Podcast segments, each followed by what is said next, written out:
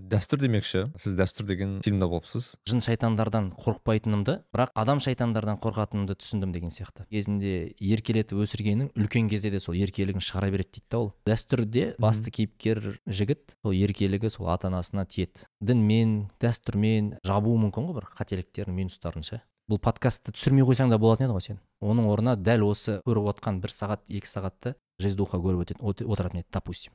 Мынаны мен істемесем кім істейін деп жатыр деп просто былай сұрақ қоямын. Яғни қызды көп еркелеткеннен қыз бұзылмайды. Ә, бізде бір кейбір мектептер бар ктл сияқты мектептер бар. Еркек балалар қыздар деп бөлек оқытады ғой. Кейін ойланып ол бір бағыттың дұрыс екенін түсіндім да. Мынандай сезім пайда болды да менде. Ничего себе мен қазақтан басқа ешкімге керек емес екенмін ғой. Өзім қалаған болашақты осы қазақстанда жүріп бір нәрсе қылып қалауға қалай мен соны қалыптастыра аламын деген ой пайда болды.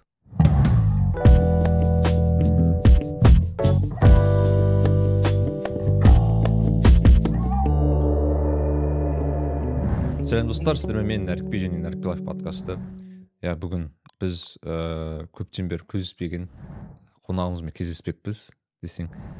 Дәке данияр жігітбек ә, дәке қош келдіңіз. Иә біз негізі ә, бұл подкастты әр жарты жыл сайын жазуға тырысамыз.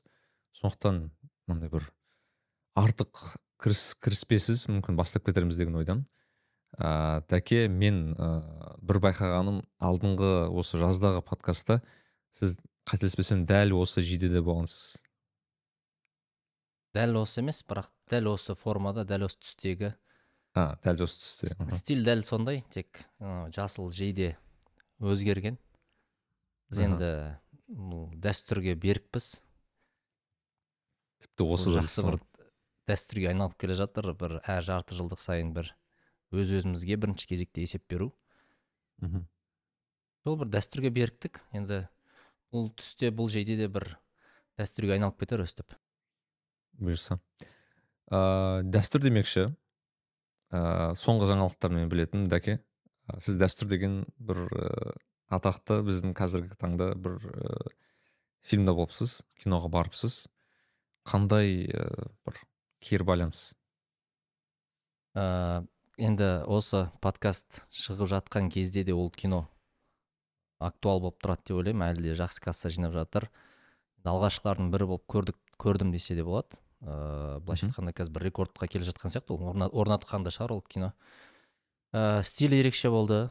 Ә, және сол режиссерлік құрам продюсері жалпы сценаристтерін танығандықтан маған қызық болды. Бұл жігіттер бір ерекше нәрсе жасайтынын білдім.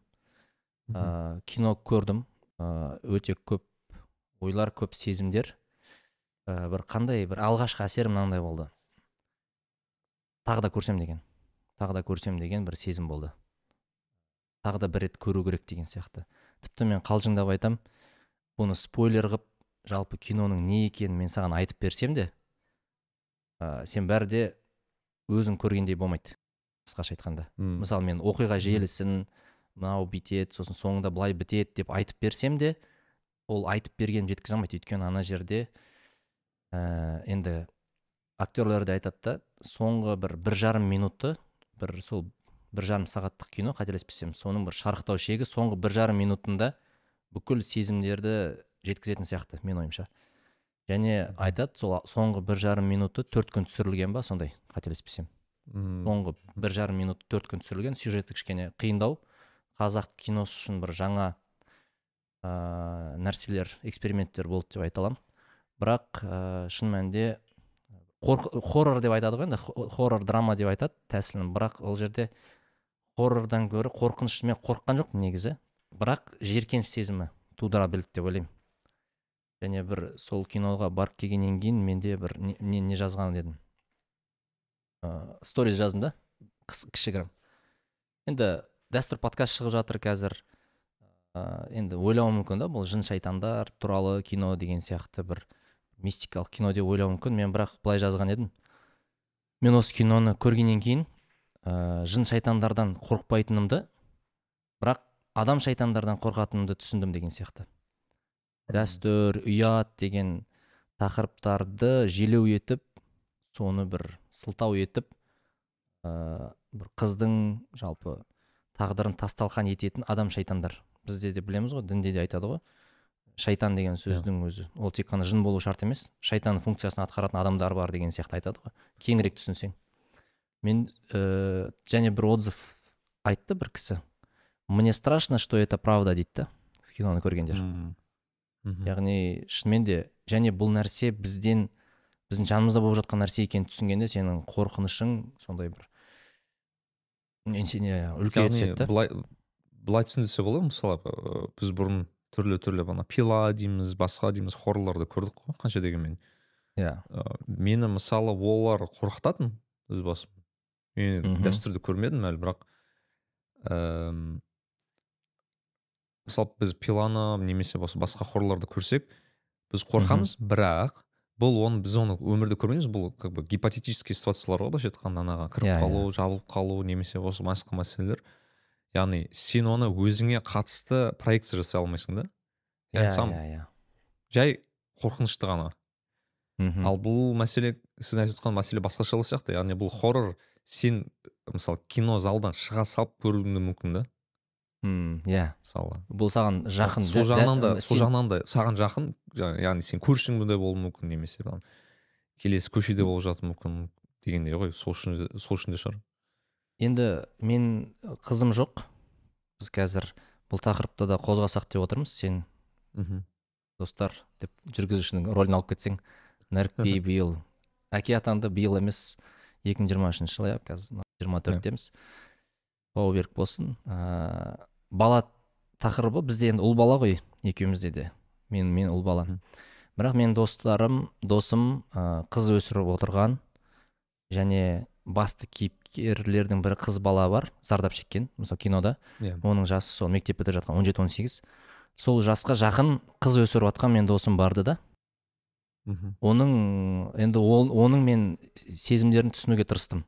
Оған ол тіпті жақын көрінді да ол кино. Әсіресе ана жерде бір сюжеттерін көрсеткен кезде енді спойлер болмай ақ қойсын жалпы көрмегендер болса бірақ ыыы ол өте маған қарағанда қаттырақ сезінді кейбір мәселелерді Иә. өйткені қыз тағдыры да қыз өсіру бір досым бар үш қыз өсіріп жатқан. Сол ол- өте қатты сезінді деп ойлаймын. Өте жақын сезінді деп ойлаймын ол. Яғни мен мысалы менде сен де бір пост жазып едің ғой. Мен қыз өсіруге әлі дайын емеспін деген сияқты сезім. Иә. Мен менде де шыным керек. Ііі мен өзім мысалы ұл балалардың арасында өстім ғой бізде екі ұл болды марқұм інім. Мен екеуміз ол қыз жалпы қызбен қалай қыз бала болған кезде оған қалай көңіл бөлу керек қандай ағалық ыыы бағана інілік қамқорлық деген жалпы қыз деген нәрсені онша сезінбей өстім да негізі шыны керек. Қазір менің мысалы екі ұлым бар. Енді бәрі де бала ұлдың тәрбиесі мен қыздың тәрбиесі әртүрлі болады да. Мен мен де мысалы ә- әлі күнге дейін өзім дайын емеспін деп ойлаймын. Қыз тәрбиелеуге ыыы және қоғамда мынандай жағдай болып жатса сен оның оның оның өз, оның өзіне қорқыныш бар да бір. Иә. біздің бір ортақ досымыз айтып еді ғой ә, мен қызым қызды боласың деген кезде қатты қуанған жоқпын дейді да. Ол андай ә, қыз болған үшін қуанады бірақ мына қызды мен қалай қорғаймын деген қосымша жауапкершілік болған үшін мен қатты қуана алмадым дейді да иә. Неге ондай жағдайға түстік мысалы білмеймін бір талқылап айтатын мәселе деп ойлаймын.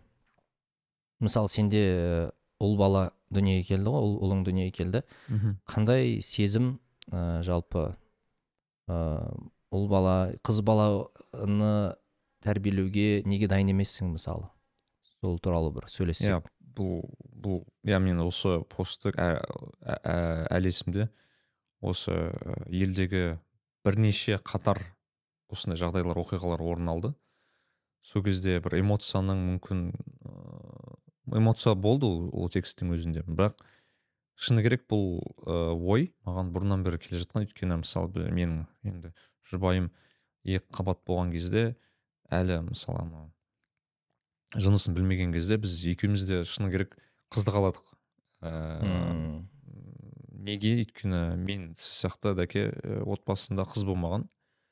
Мгм. ә, яғни әйел адаммен қарым қатынас құрмағанмын да ешқашан осындай бір ағалық інілік қарындас іні дегендей немесе ағалық іні деген сияқты осындай қарындас қарым қатынас болмаған жалпы. Қамқорлық ә, позициясында де- болған жоқсың ғой былайша айтқанда. Иә ол да болмады. Және де менің жұбайымның отбасында да ол жалғыз қыз. Қалған бәрі ұл балалар. Ә, және де білмеймін маған білесіз ғой енді әкеге қыз баласы ерекше ғой қанша дегенмен ыстық тағы басқа бірақ бірде осылай шай үстінде сөйлесіп отырып мен айттым шыны керек ыыы мен дайын емес сияқтымын деген сияқты. М, өйткені ыыы шыны керек ыыы ол дәстүр шыққанға дейінгі әңгіме былай айтайын. Өйткені ыыы мен шын айтсам тіпті мектеп мектеп кезінде немесе бағанағы университет кезінде оқыған кездегі осындай бір жағдайларды өз көзіммен көргенім болды шыны керек. Енді андай мгм. қиын жағдайлар болмаса да қанша дегенмен харасментті көрдім шеттетуді көрдім ә, белгілі бір деңгейде әділетсіздікті көрдім. Әділетсіздікті көрдім жалпылама айтатын болсам. Соны көргеннен кейін де менде кішкене ә, бір ой пайда болды да бір бұл бір әлем қыз баласына деген ол баста бір әділетсіз болып көрінді көрінеді да маған. Қоғам. Қоғам ол баста. Әлем емес жалпы қоғам қыз баласына деген әділетсіз болып шыққан негізі. Қанша дегенмен өйткені білмеймін әртүрлі сөздер қолданады. Қазір патриархал тағы басқа бірақ білмеймін енді патриархал деген сөз қолдануға келе ма бұл жерде? Бірақ әділетсіз деген мүмкін сөз келетін шығар. Өйткені шыны керек біздің мысалы тіпті мен мектепте оқып жүрген кезде ә, кейбір қыздарға өзінің позициясын ә, былайша айтқанда өзінің былайша айтқанда білмеймін білімін ә, білімді екенін көрсету үшін былайша айтқанда ә, олар ерекше көп тырысу керек болады әсіресе университет кезінде мысалы немесе айти мамандығында оқыдық. Өзіңіз білесіз қыздар онсыз да аз. Бірақ сол Иә, иә. аз қыздардың өздерінің өздері тіпті кейбір кезде мұғалімдер болған бізде бағанағы не үшін түстіңдер? деген сондай бір мұғалімдер де болды да бізде тұрмысқа шығасыңдар ғой. Не керегі бар байға тие алмайсыңдар деген мұғалім болды тіпті университеттің кезінде. Вроде мен жақсы университетте оқыдым жаман емес жалпы бір дәке екеуміз де бір беделді университетте сол да- тіпті ол жерде сондай мұғалімдер болды. И мен соны ойландым яғни бұл бір қоғамдағы бір дерт қой шын айтсам. М. Мен дертті біз қашан емдей аламыз кім біледі? Осының бір да- себебін қазбалап көрсек неге олай көрейік ә, мен ойла мен ә, бұл жерде тәрбие мәселесіне тоқталып өткім келеді. Мысалы енді басқа ұлттарды сен голландиялықтарды мысал ретінде тоже айтсаң болады да. Мен қазақта мынандай нәрсе байқаймын. Бағанағы неге қыз баланы шеттетеді деген сияқты. Бізде кейде ә, бізде енді ол мына түсініктен келетін сияқты. Ұл бала ол ұрпақ жалғастырушы. Сол үшін оны былай аялап ұстау керек ә, бағанадай қатты ұрмау керек бәлкім бір осы аман жүрсінші енді. Басқа ұрпақты жалғастыратын осы ғой. Осыны сақтап қалсақ болды деген бір арғы жақта жатқан бір ой болады да сөйтіп ол мынандай нәрсеге ұласады. Ұл балаған ұл баланы көбірек еркелету мүмкін. Ұл балаға біздің тілмен айтқан көп поблажка береді. Мысалы ә, ұлды көбірек еркелетеді. Қызды қызға көбірек жауапкершілік артады бізде жалпы қоғам. Сен қызсың ғой сен таза жүруің керексің ғой. Ә, осындай да осындай дейді да сөйтіп ол сөйтіп тәрбие жүре береді. Бірақ нәтижесінде біз мынандай нәрсені көреміз. Ә, бағанағыдай жалқау диванда жата беретін ер адам қалыптасады. Және гипер жауапкершілігі артып алған қыз пайда болады да осы тәрбиенің нәтижесінде. Ал негізі керісінше болу керек еді ғой. Яғни қызды көбірек еркелетіп ұлға көбірек жауапкершілік арту керек еді ғой. Бізде осындай нәрсені байқаймын да соның әсерінен бізде бағанағы елде жағдайлар болды ғой. Тіпті анау қыз зардап шегіп жатса да ана жігітті жақтайды да. Иә. қыз үндемеу керек еді айтпау керек еді тілінен тапты бір нәрсе дейді да. Әрқашан ә, ұлды жақтау позициясына өтіп кетеді. Мысалы мен ойлаймын да біздің мектепте болсын жалпы тәрбие мысалы менің анам ә, анама рахмет өте жақсы тәрбиеледі. Мысалы жазуымның түзу болғанын қал- не істеді да қадағалады Иә. мысалы сен түзу жазуың керексің қисық жазбайсың дейді да қате жазбайсың дұрыс жазуың керексің. Былайша айтқанда мен маған өте көп жауапкершілік өте көп контроль орнатты да үстіме. Одан жаман болған жоқпыз өте жақсы болдық та. Бірақ көп отбасыларда былай ғой біз енді класстастарымызды да көрдік. Ә, қисық ұл балаға жарасады қалай болса солай жаза беру қатемен. Ә, қалай болса алба жұлба көйлегі алба жұлба болып жейдесі бағанағыдай киім үтіктелмей жүре беру болады да? Қызға? Иә. жоқ сен қызсың сен таза болып жүру керексің тәртіпті болу керексің деп былайша айтқанда қызға көп жауапкершілік артады. Содан менің ойымша бізде осындай бір ыыы қоғам осындай бір адамдар қалыптас- қалыптасып жатқан сияқты. Негізі керісінше болса бәлкім қыз негізі мен бұрын ыыы бір кітаптан ба жоқ бір үлкен ағаларымыздан ба естідім да қыз бала былай табиғатынан ол былай ыыы пісіп жетілген болып дүниеге келеді. Сенің ыыы оған деген тәрбиең тәрбие емес ол жерде тек қана сол соның ә, соны еркелетіп соны бір бағалап жүру ғана болды. Яғни қызды көп еркелеткеннен қыз бұзылмайды. Мхм. ал жігіт ол андай болып туылады дейді да бала. Пісіп жетілмеген. Оны кішкене шаң қағу керек. Енді андай дұрыс мағынада. Кішкене түзу түзулеп жіберу керек. Байқасақ та мысалы дисциплина жағынан мысалы қыздар өзі табиғатынан өзі мысалы не ғой исполнительный дейді ғой орысша. Ыыы табиғатынан ол сондай таза табиғатынан тәртіпті табиғатынан ыыы былай ұқыпты негізі. Ұл балаға кішкене ол нәрсені үйрету керек. Енді біз мен студенттермен жұмыс істеймін жастармен жұмыс істеймін. Бәрде ұл балаға кішкене бір не керек? Әскери ә, подход. Сол кезде оған ол өсіп пісіп жетіледі. Осы бір тәрбиедегі бір ә, бір мен байқаған бір ерекшелік бар біздің жалпы. Бұл жа, бәлкім бұл жерде өте көп аспекттер бар ғой. Бағанағы патриархалдық қоғам деп айтуы мүмкін біреу біреу дәстүрлі қоғам деуі мүмкін. Ә, біреу тағы қандай деуі мүмкін. Әртүрлі. Бәлкім біздің дәстүрімізде бұрынғы дұрыс дәстүрімізде ә, бұл нәрсе болған да шығар. Яғни қыз баланы көбірек еркелету ұл баланы көбірек былайша айтқанда тәртіпке баулу еңбекке баулу деген нәрсе болған шығар деймін да. Психология тұрғысынан да қарасақ та сол ғой. Ол балаға көп жауапкершілік арту ол жауапкершілікпен өседі ол. Сол нәрсені байқадым мен енді. бір байқағаным иә мен мысалы тіпті ыыы еске түсіруге тырысып жатырмын да. Өткен ыыы осы оқиғаларды тағы басқа. Менде ә, көбінесе сол екен бағанағы ерке болып өскен немесе қатты бір ыыы орысша забота дейді. Соның ар- ішінде өскен ер жігіттер көбінесе бағанағы өмірде бағанағы Мм, жауапкершілігі аздау жігіттер болатын көбінесе. Иә. Ә, сенім артуға бір қиын балалар болатын. Ә, және және де керісінше бағанағы өте ыыы былайша айтқанда строгий дейді ғой сондай бір отбасыда өскен өте қа- тәртіп өте қатты орнаған отбасыларда бағанағы жігіттерде ә, өте сондай бір жауапкершілігі мол ә, сондай балалар болатын мхм енді қызығын айтайын ба? Мысалы ә, мен ойландым да кейде ә, бізде бір кейбір мектептер бар ктл сияқты мектептер бар. Ә, еркек балалар қыздар деп бөлек оқытады ғой. Мхм и және де мен мысалы ондай мектепте оқымадым бірақ кейін ойланып келе сол сол бір бағыттың дұрыс екенін түсіндім да. Ә, не, қай кезде түсіндім? Мен военкода оқыдым. Неде ә, университет кезінде военкода оқыдым. Және де сол кезде мынандай бір жағдайлар орын алды да. Кейбір балалар ә, енді шыны керек былайша айтқанда байдың балалары болды ішінде. Еркелеген байдың балалары болды да. Ә, олардың бір ерекшелігі андай болатын. Ә, ә, міне көт- көтермейді короче былайша айтқанда бір сөзді көтермейді. А, командир бір нәрсе айтса қойшы деп қол сілтей салады деген сияқты.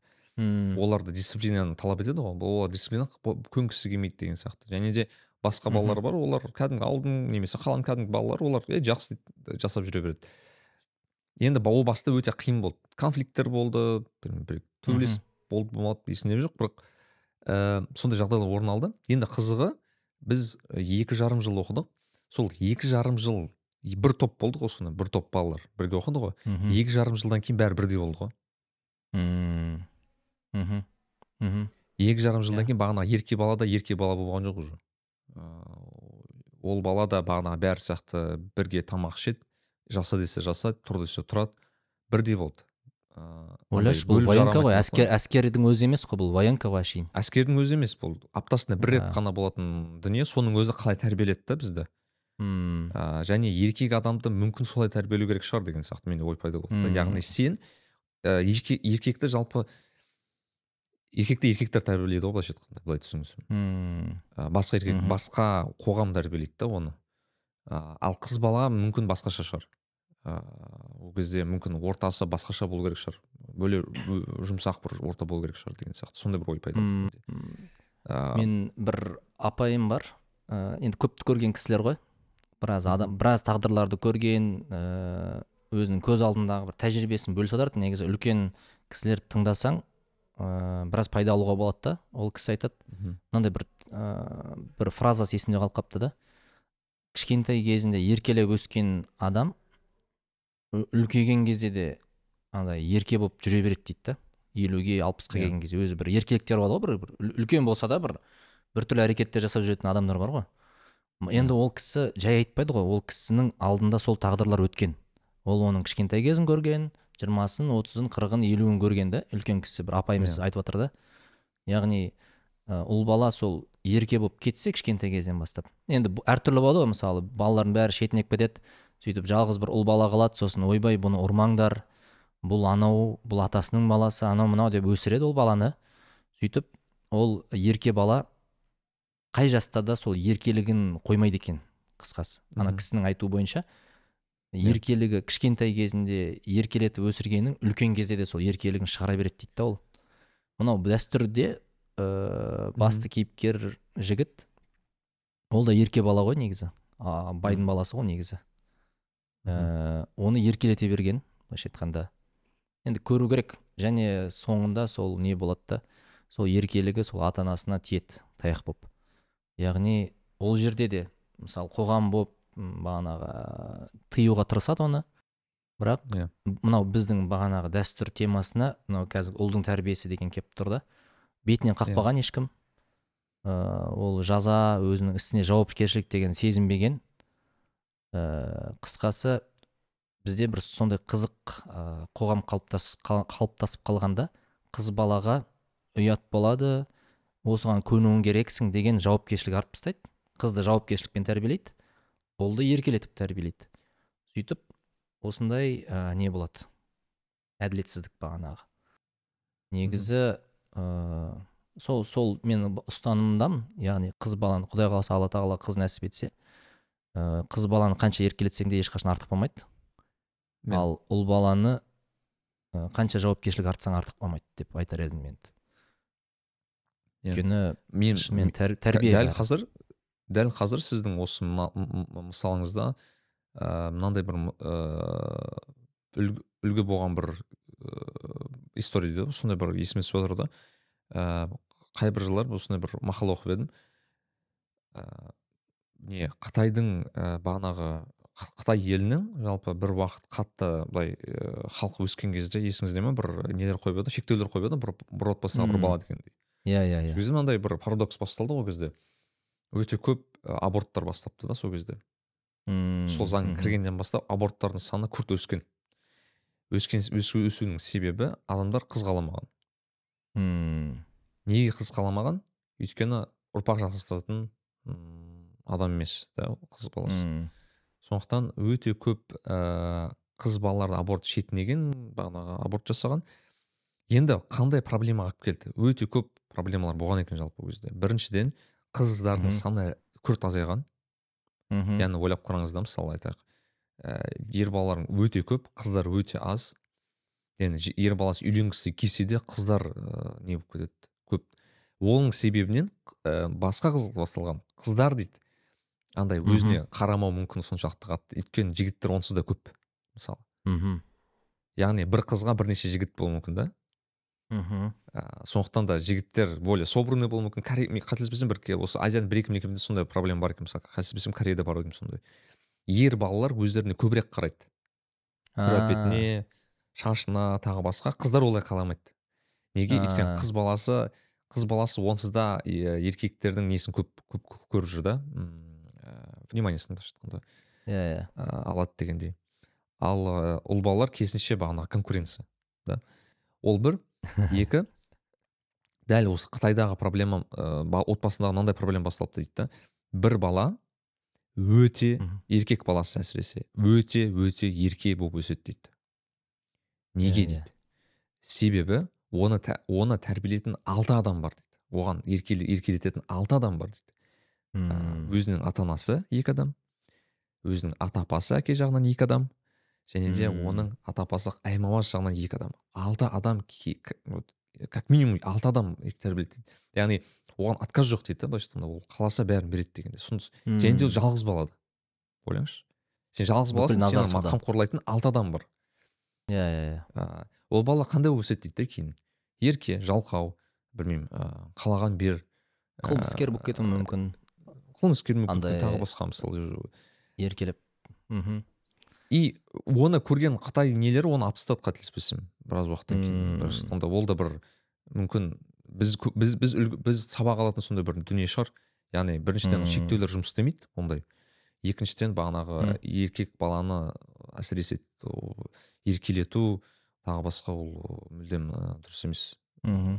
Маған енді европадағы жағдай қызық та. Тәрбие қандай? Оларда оларда бар ма шектеу? Әлде олар саналы түрде өздері бас Ә, тартады бұл жерде- ит бағып бұл жерде жүре ма баланы- мысалы? жоқ бұл жерде ә, өте қызық ә, тенденция. Ә, яғни бір сөз бар ғой яғни бұл жерде адамдар азырақ бала болады деген. Ол рас енді әрине. Бірақ бұл жерде мынандай тенденция байқадым мен. Ә, мысалы көршілер болуы мүмкін. Ә, мысалы мен голландтықтар туралы айта аламын. Голландтықтарда мынандай зат бар. Олар не баласы мүлдем болмайды. Яғни сіз айтпақшы ит асырауы мүмкін мысық асырауы мүмкін басқа зат вообще Free. асырауы да мүмкін. Иә өздерімен өздері. Child free дейді бірақ өздері айтады біз ә, көбінесе неге деп айтсаң жауапкершілік тұрғысынан қиын дейді бізге Мм. ол бір. Екінші бағана қаржы жағынан қиын дейді. Расымен арзан емес бұл жерде оны бағу дегендей. Ә, түрлі түрлі себептер бар. Яғни олар өте рационалды ә, келеді да бұл тұрғыда. Яғни Мм. мен ә, соншалықты жауапкершілік именно жауапкершілік тұрғысынан қарайды. Не то что мен қаламаймын емес. Жауапкершілік тұрғыдан маған қиын болады. Және өзім белгілі бір өмірде комфортым бар. Және ол комфортқа мен баланы қоссам мен и балаға комфорт бере алмаймын и өзіме комфорт ала алмаймын дейді. Да сондай бір ә, мәселе бар. Және е, бірақ егер бала болса бала болса міндетті түрде келесі бала болу керек. Енді жалғыз бала өсірмейді бұлар. Көбінесе байқағаным яғни мен неге? бір отбасын көремін кемі екі үш бала. И бір байқағаным ана орысша погодки дейді ғой былайша бір бірінен кейін екіншісі екіншісінен кейін үшіншісі яғни аралары тым жақын да. Оның себебі бала жалғызсырап өспеу керек дейді деп ойлайды бұлар. Мхм. Бірге өсу керек. Жанында бір адам болып өсу керек дейді сол кезде ә, бағанағы қарым қатынастар жақсы болады бірге өседі оңайлау болады тағы басқа. Мм. және үшінші парадокс ыыы әйел адамдар кеш туады. Мхм. Ә, бізде мысалы 25-тен кейін ә, 27 28-ден кейін туса ой кеш туыпты деп айтады ғой мысалы. Мхм. Ә, Мгм. ш- рас емес сондай бар. Ә, мысалы мен Мм. мен- менің жұбайым 25 25 жасында туды да мысалы. Мхм. Ә, даже 26 ойлаймын ә, я 25 па иә короче былайша айтқанда сол ә, 25 жасында туды бірақ тіпті оның өзін кейбір кісілер кеш санады да мысалы. А еуропалықтарға айтса сен баласың ғой деген сөз, ә, не келді бізге? Сен өзің кішкентай баласың ғой қалай туып жүрсің деген сондай сөз келді да. Яғни парадокс яғни бізде қалай оларда қалай. Ә, яғни мен көргенім ол кісілер бағанағыдай отыздан кейін тууы мүмкін. Отыз үш отыз екі бағана отыздан кейін туады да. Бірақ туған кезде подряд бір екеуін туып тастайды. Мхм ә, там екі үшеуін туады. Болды бірақ олар неге олай жасайды? Өйткені расымен әйел адамның реализациясы деп айтайын ба? Мысалы айтайық белгілі бір карьералық бір амбициялар болады оқу PhD жасағысы келеді тағы басқа. Мхм расымен егер бала туылса ол ә, бағанағы прогрессі тоқтайды ғой. Өтірік емес қой. Мысалы ойлаңызшы сен ә, бір жақында бір стендап көріп едім сол кезде бір еркек кісі айтып отыр да мен өмірде елестете алмаймын дейді. Мен декретке шықсам не боларын дейді да андай әйел адам секілді. Ойлаңызшы типа сен өзіңнің карьераң былайша айтқанда пигында жүрсің дейді да ең шырықтау шағында жүрсің дейді да. Және саған айтады келесі бес жыл сен жұмысыңмен айналыспайсың және сені бар қоғамың мынау кішкентай адамдар және андай бір қисық қисық халат былайша айтқанда сенің күйеуің осы сенің бес жылға сенің қоғамың осы дегендей мысалы айтса. Қандай қиын дейді да мысалы өзің ойланып көрші дейді. Расымен сондықтан бұл жерде мүмкін әйел адамның бағанағыдай өзінің реализациясына уақыт бөледі да. Яғни бұлар бір уақытқа дейін өздерін белгілі бір деңгейде карьералық бағана амбицияларын ә, өтейді айтайық бір позициялар бар шығар білмеймін тағы басқа бизнес жағынан шығар білмеймін. Кейін бір уақыт айтады окей мен бұны жеттім енді мен отбасыммен айналысамын дейді да. И уже отбасымен айналысады дегендей. М, осындай бір тенденцияны көрдім көбінесе. Ә, Ал, енді бұл жақсы жаман деп айта алмаймын. Бірақ ә, мүмкін ә, бұлар ә, денсаулығына өте жақсы қарайды да. Яғни көбінесе айтып сенімді. отыздан кейін иә отыздан кейін туу қиын деп айтады. Жоқ от қию туу қиын егер сен денсаулығың енді ондай болмаса. Бұл жерде денсаулыққа өте жақсы қарайды сондықтан бұларда ондай мүмкін ондай үлкен проблема жоқ. Және де өте көп ә, бағанағы мен тіпті осы сөйлескен кезде бағана акушер тағы басқа кісілермен сол кезде мынандай бір тенденция айтты. Бізде өте көп егіз балалар туылады деді да. Мхм. ә, екі үш сол кезде неге десем ә, анау термин есіме түспей жатыр анау искусственный эко имплант э, эко вот, э- э- эко дей ма сол эко арқылы Иә, иә. туылған балалар дейді көбінесе. Иә иә яғни ол да жоқ емес. Ал олардың жалпы ол қыз тәрбиесі ерекшелене ма? Мысалы ұлға басқаша қарау қызға басқаша қарау деген нәрсе бар ма оларда? Әлде оларда сол батыстық бағанағы индивидуализм ә, бірдей қарау ма? Мысалы бізде бағанадай ә, әртүрлі қарау деген нәрсені айтып жатырмыз ғой енді. Ұлды былай қызды былай оларда маған қызық та. Қалай ә, әлде бір ортақ бір тұлға ретінде тәрбиелей ма? Бір сол қызық та маған. Ол, жайлы не айтар едің мысалы қызды Ә, бөлек ұлды бөлек. мен енді баламды әлі енді жібермегендіктен онда мектепке тағы басқа бірақ таныстарымның баласына қалап мүмкін айта алатын шығармын белгілі бір деңгейде. Бірақ мен бір көргенім ә, бұл жерде енді орысша не дейді личная граница дей ма жеке шекара деген затты білмеймін тіпті иә? осы бір үш төрт жастан үйретеді ғой. М, яғни сенің ә, сенің шекараң осы және осы бір кісі тіпті сенің ата анаң ол шекараға кіретін болса сен оны кіргізбеуің қажет деген. Негізі дұрыс ә, месседждер бар оның ішінде. Яғни белгілі бір деңгейде мысалы ә, сенің өз ойың бар саған ол ойыңнан қайтаратын белгілі адамдар болса немесе тағы басқа тағы басқа мхм, енді біздің тәрбиеге мүмкін кей кезде қайшы шығар. Өйткені ә, расымен біздегі тәрбие ол ата ананың несі көп та? Ә, әсері көп та бізде? Ат- балаға деген. Ә, расы, расымен айтқанда. Яғни ә, ата анасы тыңдатады баласын бізде көбінесе дегендей мысалы әкесінің сөзі заң дегендей мысалы. Бұл жерде енді прям олай емес шыны керек. Бұл жерде келісім бар белгілі деңгейде мысалы там, балаң плейстейшн ойнағысы келеді мысалы сен айтады давай біз екеуміз келісеміз сен бүйтесің мен бүйтемін короче былайша айтқанда сабағын оқисың кейін жасайсың дегендей мысалы. Бірақ андай жоқ та ұрысып деген сияқты.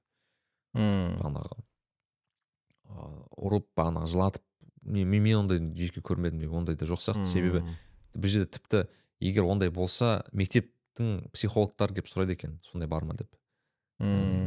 Заң тұрғысынан да өте қат- қатал екен да бұл жолы яғни ә, балалар өте өз шекарасын жақсы қояды және де мүмкін осы тұрғыдан ә, бағанағы енді жаман заттар бар бірақ мысалы педофилия тағы басқа анау басқа мынау басқа балалар өз несін жақсы қоя алады да. Білмеймін мүмкін бел- бел- белгілі деңгейде бізге де үйрету керек шығар ол, дүниені.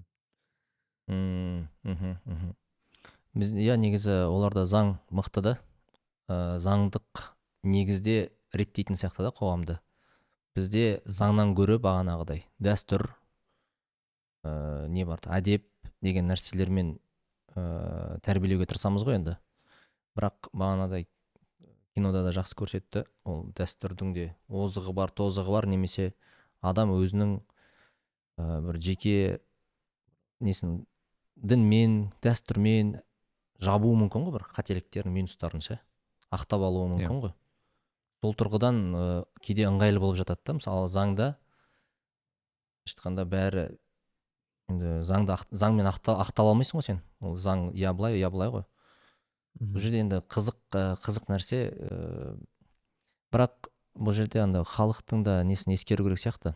Менталитет шығыс батыс деген нәрселер қатты рөл атқаратын сияқты бәрі де. Мысалы Иә, біз иә. тура қазір жүз пайыз келіп соны копи паст қылсақ та келмейді да. Мысалы ыыы мысалы айтады ғой қай жерде әдеп мана мейірім деген нәрселер азайып кетсе ол жерде заң күшейіп кетеді деген сияқты. Мысалы заң бір регулятор да оған жеткіз- жеткізбеу керек те шығар мүмкін ше бір Иә. құлдырау. Енді осы тұрғыда жалпы заңның күшейгені жұмыс істейді деп ойлайсыз ба өзіңіз мысалы? Ә, заңның күшейгені енді былай да енді ә, мен әлі біздің елімізде бір заңдардың қалай жұмыс істегенін бір есіме түспей тұр да. Осындай бір заң болды сосын бір нәрсе реттеліп кетті дегенді ше. Де кейде мынандай нәрсе болады да енді заң дегенде біз мен енді былай жалпы мемлекет деңгейінде айтпай-ақ мысалы сен өзіңнің бір командаңда ережелерді бекітесің ғой. Сол кезде ә, мен өзім үшін бір әділеттілік деген нәрсені анықтамасын білгім келді да. Әділеттілік деген не ол деп мысалы басшы деген әділетті болу керек деп айтып жатады ғой.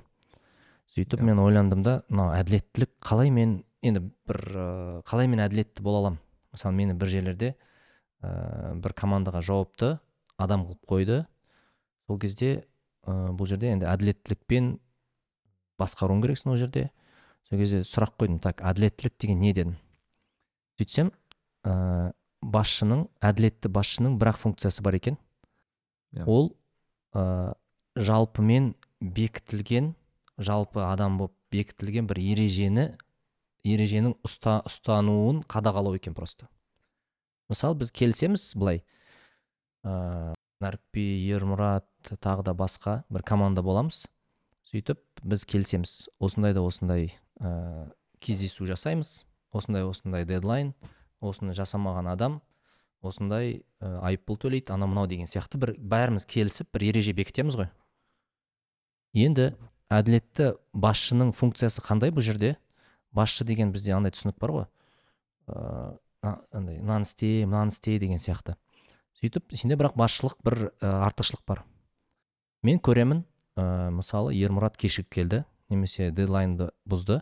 То есть менің бір ә, жеке эгом емес прихотьем емес жалпы ережені бұзған үшін менде бір артықшылық бар. Басқа команда мүшелеріне қарағанда мен ермұраттың есіне салып былай айтуым керек та. Ермұрат сен келісімді бұздың сол үшін айыппұл төле. Яғни әділеттілік менің түсінігімде. Ол жалпымен келіскен келісімнің орындалуын талап ететін адам. Әділеттілік Мгм. солай түсіндім. Ал егер біз былай істесек ше біздің арамызда ешқандай келісім болмаған. Сөйтіп мен келемін да ермұрат кешігіп қалды мысалы үшін. Маған ермұраттың кешіккені ұнамай қалды. Сөйтіп мен ермұратқа айтсам ермұрат давай штраф төле сен кешіктің орындамадың десем ермұратта іштей қарсылық болады неге? деген сияқты. Біз олай келіскен жоқпыз ғой деген сияқты. Кейде ә, біріншіден бізде өзара келісім деген нәрсе болмауы мүмкін. Жалпы қазір енді бұл жеке команданың ә, тұрғысынан айтып отырмын бірақ мемлекетте сөйтіп алсақ. Жалпы халықтың немесе бір ортақ келісімдерін жасап алу керек. Сосын сол келісілген нәрсені талап етуші адам ол басшы болу керек әділетті. Мысалы бізде де айтады ғой президенттің функциясы не десе президенттің бір ақ функциясы болса ол елдегі әділеттілікті талап етуші адам ғой былайша айтқанда. Және ода сондай бір артықшылық бар. Мысалы бізде ана тоқаевқа хат жазып жатады ғой президент ә, әділеттілікті талап етіп. Яғни ә, енді мен есімде ана бір әр рамазанда бір өзімнің бір топ дұғамды жасап қоямын. Мысалы екі мың жиырма бірде мен есімде маған даналық сұрадым да мысалы жаратқаннан алладан. Екі мың жиырма екіде мен әділеттілік деген нәрсені сұрадым да. Осы әділетті болу үшін не істеу керек? Әділетті болғым келеді деп ше барлық жерде. Сол кезде мен сондай бір жауап таптым өзім үшін. Яғни демек бізде қоғамда әділеттілік болу үшін өзара келісім болу керек бірінші. Және сол келісімнің орындалуын талап ететін бір, бір адам болу керек. Енді біз қарайық бізде ә, бағана заң жұмыс істей ма деген мәселе ғой. Егер осылай келсек заң жұмыс істеу керек. Өйткені бәрде ең жоғарғы сол президент болсын немесе мына команданың басшысы ода бір заңмен бір артықшылық бар. Бұл жалпы қоғамдық келісім бойынша. Ол соны дұрыс қолдану керек қой. Ал егер де бағанағыдай келісімсіз өзінің ә, жеке бір ұнайды маған ұнайды ұнамайды деп бір шешімдер қабылдап соны талап етсе ол ерте ме кеш пе ол жарылады ол жер. Өйткені әділетсіздік болып жатыр. Яғни әділеттілік әрқашан келісім болған кезде ғана. Мысалы біз ә, мынандай айта алмаймыз да бір бағанағы тақырыпқа оралсақ. Ер мен әйел бар отбасында. Сөйтіп ә, олардың өзара келісімі бар. Ол бәлкім құндылықтарына сәйкес мысалы айтады ә, айтады екеуінің өзара келісімі бар дейік. Ә, күйеуі айтады бүйтіп біз ә, осындай консервативтік отбасымыз давай келісіп алайық. Егер де ә, сен бір жаққа бір сапарға шығатын болсаң маған айтасың ескертесің деген сияқты келісім ғой бұл. И әйелі оған келісе ма келіспей ма екінші мәселе ғой. Бірақ та егер де әйелі келіссе иә мысалы біз қазір бір діни отбасын алайық діни құндылықтарды берік ұстанатын ол айтады иә ә, мен ә, былайша айтқанда сіздің разылығыңызбен немесе сіздің рұқсатыңызбен сыртқа шығып осындай осындай әрекеттер істеймін жұмысқа шығамын дейді да. Ә, яғни екеуінің арасында келісім болады. Екеуіне де комфортно бұл ше? Иә. Ә, яғни арасында келісім бар осындай. Белгілі бір конституция ғой бұл. Мысалы ә, діни нормалар ол да бір конституция ғой. Оны адам қабылдау қабылдамау өзінің таңдауы ғой. Сөйтіп ана отбасы келісті. Екеуіне де комфортно бұл жерде. Күйеуіне де комфортно. Бағанағыдай соңғы сөзді айту. Әйеліне де комфортно. Өйткені ол білет өзінің қауіпсіздігін мына кісі қамтамасыз етеді деген бір сенімі бар мысалы үшін. И біреу сырттан келіп айта алмайды да сендердің отбасыларың че то әділетсіз мына жер короче давай равноправие деп араласа алмайды ғой негізі. Б- ә, яғни әділеттілік деген сөзді мен өзім солай түсінемін. Яғни өзара келісім және сол келісімнің келісімнің де уақыты болады ғой. Иә. мысалы бағанағыдай біз ермұрат бар сен бар команда боламыз да айтамыз. Біз біздің командамыздың уақыты ә, маусым айына дейін жазға дейін біз бір командамыз. И бізде осындай осындай келісімдер бар. Ә, Мгм. тим лид нәрікби и нәрікби ә, нәрікби еще не ғой андай ә, бір ә, бос емес қой нәрікби просто бірақ функциясы бар басшы ретінде оның басқалармен араласып бірге жұмыс істей береді. Просто ода артықшылық бағанағы әділеттілік талап ету. Болды. Сол кезде анау команда сол уақытқа дейін сол тәртіппен өмір сүреді. Сосын сол кезде жаңа тәртіп ойлап табуға болады. Ереже. Мен сосын әділетті болу деген солай түсіндім да. Және бұл жерде келісімге байланысты. Батыста отбасында оларда келісім сондай болуы мүмкін. Қоғам болып мысалы ә, жылдар бойы бір келісіммен өмір сүре беруі мүмкін. Мысалы ақшта бір не келісім бар. Әр төрт жыл сайын президент сайланады қараша айында деген сияқты екі мерзімнен көп болмайды деген сияқты бір келісім бар. Ол уже ғасырлар бойы келе жатқан келісім. Сонда сол олар қоғам болып сол келісімді талап етеді. Және сол әділеттілікке жауапты адам тайып бара жатса олар қоғам болып оны орнына салады. Бізде проблема мынандай болуы мүмкін. Бізде қоғамдық келісімдер жоқ болуы мүмкін. Ол да кәдімгідей не ғой? Тіпті қарапайым екі адам отан отбасынан басталады десек екі ерлі зайыпты бір бірімен келісіп алу керек та үйленетін кезде. Иә. келісім. Мысалы осындай осындай осындай осындай осындай. Болды осы келісімді ә, біз ұстануымыз керек. Заң деген сол ғой. Келісім бұзылса не істейді деген сияқты сұрақ қой. Сол кез сол тұрғыдан қарасақ әділеттіліктің мен формуласын өзіме солай таптым да. Әділетті болу үшін. Балалармен де сол ғой. Мысалы мен ә, балаларыма қалай әділетті әке боламын? Келісем егер де балам ә, осындай нәрсені істесең ә, оны бала тәрбиесі кітаптарында жазады да. Ә, барлық нәрсе келісім және сол келісімде кішкене не болу диктаторлау болу ғой енді. Былайша айтқанда келісім қабылданғанға дейін демократ болу керек шешім қабылданғанға дейін. Мысалы балам балаңмен сөйлесесің мысалы бес жасар уже былайша айтқанда есін есі бар бала ғой. Мысалы қара егер де сен осындай осындай нәрсе істесең күнде киіміңді кешке жинасаң біз мынау не күні ә, сен қалайтын ойнайтын жерге барамыз. Егер күнде жинамасаң онда бармаймыз. Келісесің ба деп келісім алып алу керек. Андай. Сол кезде сен әділетті әке боласың. Ол окей дейді. Болды келістік. Сөйтіп ол жинамады дейік мысалы үшін. Және сен әділетті әке ретінде оған оны со- сол ә, әділетті әке ретінде сен ол жерде оны бағана сөзіңде тұруың керексің. Сен мысалы жинамадың ғой сол үшін біз осы апта бармаймыз деген сияқты. Бір рет қайталанады ол жалпы бала болсын командаң болсын басында не істейді? Ұнамауы мүмкін оған басында. Бірақ уақыт өте келе адамдар да нені жақсы көреді негізі. Тәртіпті әділеттілікті. Ол сенің сөзің өтетін болады. Өйткені сен әділеттілік келісімді ұстап тұрушы адамсың ғой былайша айтқанда. Иә. сондай. Бәлкім бізге қоғамда бір келісімдер жасап алу керек шығар. Келісім жоқ шығар бізде мысалы үшін. Со- сол солай ойлаймын сөз жақсы сөз бар. Ыыы орысша қателеспесем социальный договор деп жазады соны. Ммм яғни белгілі бір қоғамда ә, сондай қоғамдық бір келісім шарт бар болады дейді да негізінде. Иә иә. Яғни осы ә, неге келген кезде ну бізде негізі ондайлар бар. Ә, бірақ мысалы бізде олар айтылмаған да дұрыс. Және мүмкін трактовкалар дұрыс емес па? Бізде бекітілмеген. мысалы тойға бекітілмеген. Мысалы айтайық м, ең қарапайым мысалы той. Дәке қазақтар тойды жақсы көреді жақсы керек. Иә. бірақ бекітілмеген сондай бір заң бар ғой мысалы тойға алып келетін ақша деген сияқты мысалы. Ммм ешкім бекітпеген ғой оны. Иә иә мысалы. бірақ белгілі бір келісім бар. Байқайсыз ба?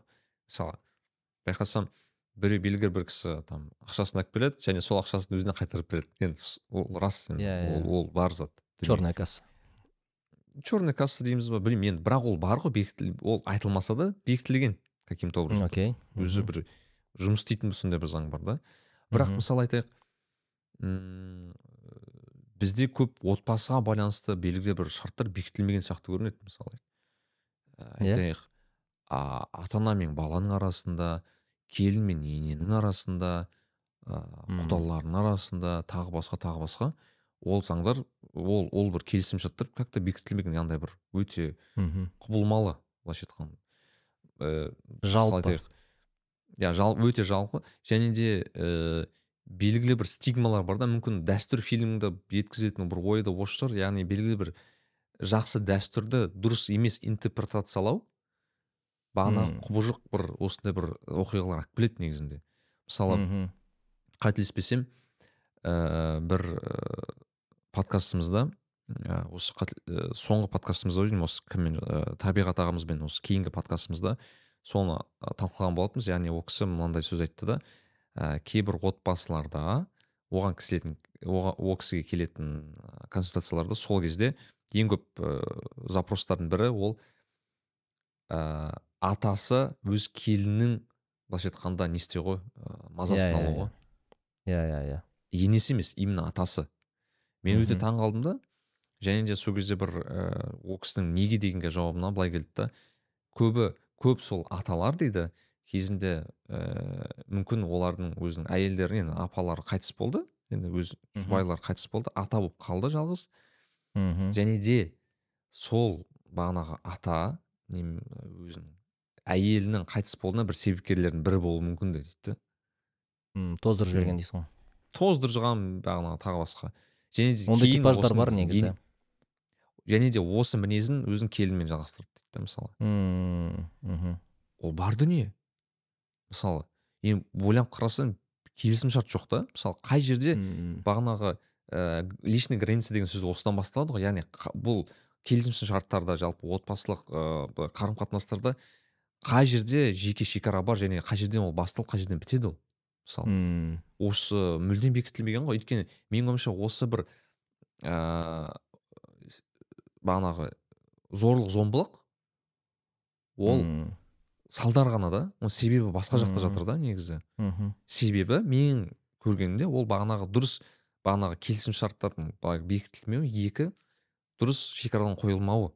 М, өйткені ескендір ағаның бір жақсы сөзі бар ескендір ағаның жақсы сөзі бар. Осы осыған байланысты ескендір бестайдың а, сенің шекара а қалай еді шекараның қалай сен білесің дейді да сен біреудің шекарасына барғаның және ә, бұл шекара жеке шекараңды бұзғаның өйткені сен басқа бір адамның шекарасына кіргенің дейді да осылай м, өзіңнің шекараң бітіп басқа адамның шекарасына кірсең осы жерде бұзылды дейді шекара.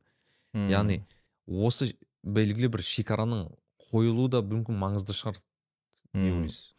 Мен ә, бағанағы айтылған әңгімелерге бір ә, бір параллель жүргізсем. Негізі дәстүр дін деген нәрселер бағанағы келісімдер жүйесі ғой ол. Иә. яғни қоғамдағы келісімдер жүйесі негізі. Бұл жерде мынандай мәселе болуы мүмкін да. Біз біз қазір бізде мен үш нәрсе көріп тұрмын да. Қоғамды ә, бір тарихта қарасақ та қазіргі заманда ә, бір регуляция жасайтын дәстүр ә, дін сосын ә, заң мысалы үшін. Осы үш нәрсе Иә. бір байланыстарды реттеуші сияқты да. Мынандай мына- мынандай мынандай ситуация болып қалуы мүмкін. Бағана сен айтып жатсың ғой. Ә, негласный негласное соглашение дейді ғой. Бағана той той Иә. мәселесі болсын. Айтыл ол жазылып бекітілмеген бірақ бәріне түсінікті сондай ережелер болады ғой өмірде. Иә. бәлкім ә, не- мысалы дәстүрде дінде жылдар бойы мысалы ә, белгілі бір сондай өзінің функциясын дұрыс атқарып келген болуы мүмкін да бағанағыдай ол қағаз бетіне түспейді бірақ дәстүрде дінде болғандықтан келісім ғой былайша айтқанда. Мынау мынаны істеу керек мынау мынаны істеу керек деген нәрсе жұмыс істеп келген қазір неге жұмыс істемей қалды деген сұрақ қой. Иә. Бұл жерде мынандай нәрсе болуы мүмкін әбден болуы мүмкін. Былайша айтқанда дәстүр дін дегендер тиімді әдістер болған ғой. Қазір неге тиімсіз болып қалды? Бірден бір себеп дәстүр мен діннің дінді ұстанушылар немесе қабылдаушылар былайша айтқанда оны дұрыс ә, білмеуі мүмкін искажение жасауы мүмкін немесе бағанағыдай өз амбициясына өз ә, қажетіне қолдануы мүмкін да. Яғни ә, біз дәстүр мен дінді де жоққа шығара алмаймыз ғой. Өйткені ол қаншама ғасырлар бойы ол қоғамды реттеп келген бір халқымызды да сақтап келген мысалы үшін ше. Қазір жұмыс істемей жатқан себебі ә, оны ол нәрсе ол нәрсе бағанағы сауатсыздыққа білімсіздікке келіп тіреледі ә, сауатсыздық білімсіздікке келіп тіреледі. Мысалы мен бір досым бар айтады. Мен енді дін ұстанатын адаммын ғой ол айтады да ә, не- неге дін анау дін ұстанатын мысалдар келтіреді да теріс мысалдарды. Неге мыналар дамымай қалған неге осындай күнәлар жасап жүр? Тағы тағы сонда себеп ә, дінде сияқты болып қалады да оның сөзіне қарағанда. Бірақ мен айтам бұл жерде мен дінді өзінің былайша айтқанда негізінен үйренген адам ретінде айтайын олардікі дұрыс емес. Олар Иә. не, ә, ол- мәселе дінде емес мәселе сауатсыздықта болып тұр. Яғни ол өзінің дәстүрін немесе дінін дұрыс білмейді. Сол үшін осындай нәрсені ол діннің атынан көрсетіп жатыр. Сөйтіп сене діннен алыс адамға саған ол солай көрінеді. Бір себеп дін сияқты да. Сол сияқты мысалы біздің де дәстүрлерімізді егер дұрыстап зерттесек мысалы өте бағанағыдай тиімді өте бір әдемі шешімдерді көруге болады негізі. Бірақ көп нәрсе ұмытылып қалды немесе бағанағы рауан аға келді ғой осы айтты ғой. Ажырасу неге көп деген сұраққа жауап ретінде. Ә, себебі қазіргі ажырасып жатқан адамдарды ә, сол бағанағы рухани құндылықтар құн- құлдыраған заманда өмір сүрген ата аналар тәрбиелеген деген сияқты ше. Сондай бір позицияда айтады ғой ол кісі ше. Ә, яғни мәселе біз өзіміз дәстүріміз дініміз жақсы білеміз ба деген сұрақ та. Мысал үшін ше бағанағыдай. Бәлкім ыыы дәстүрдің озығы бар тозығы бар дейді. Негізі ол неге тозық? Өйткені адамдар оны түп негізден алыстап кеткен болуы мүмкін. Мысал үшін ше. Бағанағыдай ә, енді бұған қайт, қайта эт- этнографиялық бір тарихи зерттеулер жасау керек. Қай кезде біз осы нәрсе бұзылып кетті деген нәрсе ғой. Ә, ондай ондай өте мысалдар өте көп қой. Мысалы мынандай үлкенді құрметтеу тағы тағы басқа нәрселер. Жалпы ә, енді ол нәрседен халық алыстап кеткендіктен бізде бір мұқтаждық пайда болады да заңға жүгіну деген ше Иә. өйткені анау нәрсен анау нәрсе тиімсіз. Адам әр адам ақылды ғой негізі біледі ғой ти- не тиімді не тиімсіз екен сөйтіп осы қоғамдағы бір процестерді заңмен қадағалауға тырысу басталады осыдан кейін. Бірақ бұған дейін Ә, дін мен дәстүр бәлкім ә, бәріне түсінікті бәрі белгілі бір деңгейде сауатты болғандықтан бір ортақ келісім фор, несін функциясын атқарып келген болуы мүмкін да. Сондай деп Ал, ойлап тұрмын да енді. былай былай былай мынандай месседжға қарай қарайсың мысалы кейбір кісілер бағанағы осы бір дәстүрлердің мысалы жұмыс істемейтінін көріп дәстүрден өздері тәрк етіп деп қалай отказ жасап отыр былайша айтқанда. Яғни біз дәстүрмен жүрмейміз деген секілді мысалы оған қалай қарайсыз? Бұл жерде де бір ә, крайностьтер бар сияқты. Крайностьтер бар сияқты. Яғни бағанағы мәселе ғой. Дәстүр деп айтқан нәрсе шынымен де дәстүр ма деп сұрақ қою керек? Иә. дін деп айтып тұрған нәрсе шынымен де дін бе деп сұрау керек деп ойлаймын. Ә, адамзатқа жалпы мынау эффективность тиімділік тұрғысынан қарау керек та мысалы. Біздің қоғамымызды қай нәрсе ә, тиімді реттейді? Бәріне түсінікті бәрі қабылдай алатын қандай шешім бар деген сияқты ше. И бір жағынан дәстүрмен дәстүрдің болғаны ә, көп нәрсені жеңілдетеді ғой анау. Не изобретай колесо деген сияқты. Мысалы бізде ә, көп салт дәстүрлерімізге егер қарасақ философиясын түсінсек өте әдемі. Қазір бір нақты бір мысалдар есіме түспей жатыр. Бірақ ә, мысалы мынандай нәрсе да ә, мысалы кім діндегі бір мысал есіме түсіп тұр да. Мысалы айтады да сол қолмен жеме оң қолмен же деген сияқты айтады ғой. Сол қолмен шайтан жейді деген сияқты. Ол енді ана жердегі сол кездегі адамның түсінуіне жеңіл стильде айтылған ғой. Бір ақ ауыз сөз. Мен дінді мысал ретінде келтіріп жатырмын бірақ дәстүрде де сондай тыйымдар сондай ыыы былайша ырымдар бар да мысалы анау нені алайық ә, сол қолмен жеме оң қолмен же. Себебі сол қолмен шайтан жейді. Анау ә, сахабаға бәрі түсінікті ол нәрсе. Бірақ кейін егер ойлап қарасақ бұл неге тиімді? Бұл дін ғой мысалы. Неге бұл ә, бұл бұйрық тиімді? Себебі сен ә, сахарада жүресің сен дәретіңді сындырасың ғой. Дәретін сындырасың су бола бермейді мысалы үшін ше. Тамақтанасың сол жағдай сол кезеңдегі адамдарды алсақ. Сонда мынау супер эффективный шешім ғой негізі.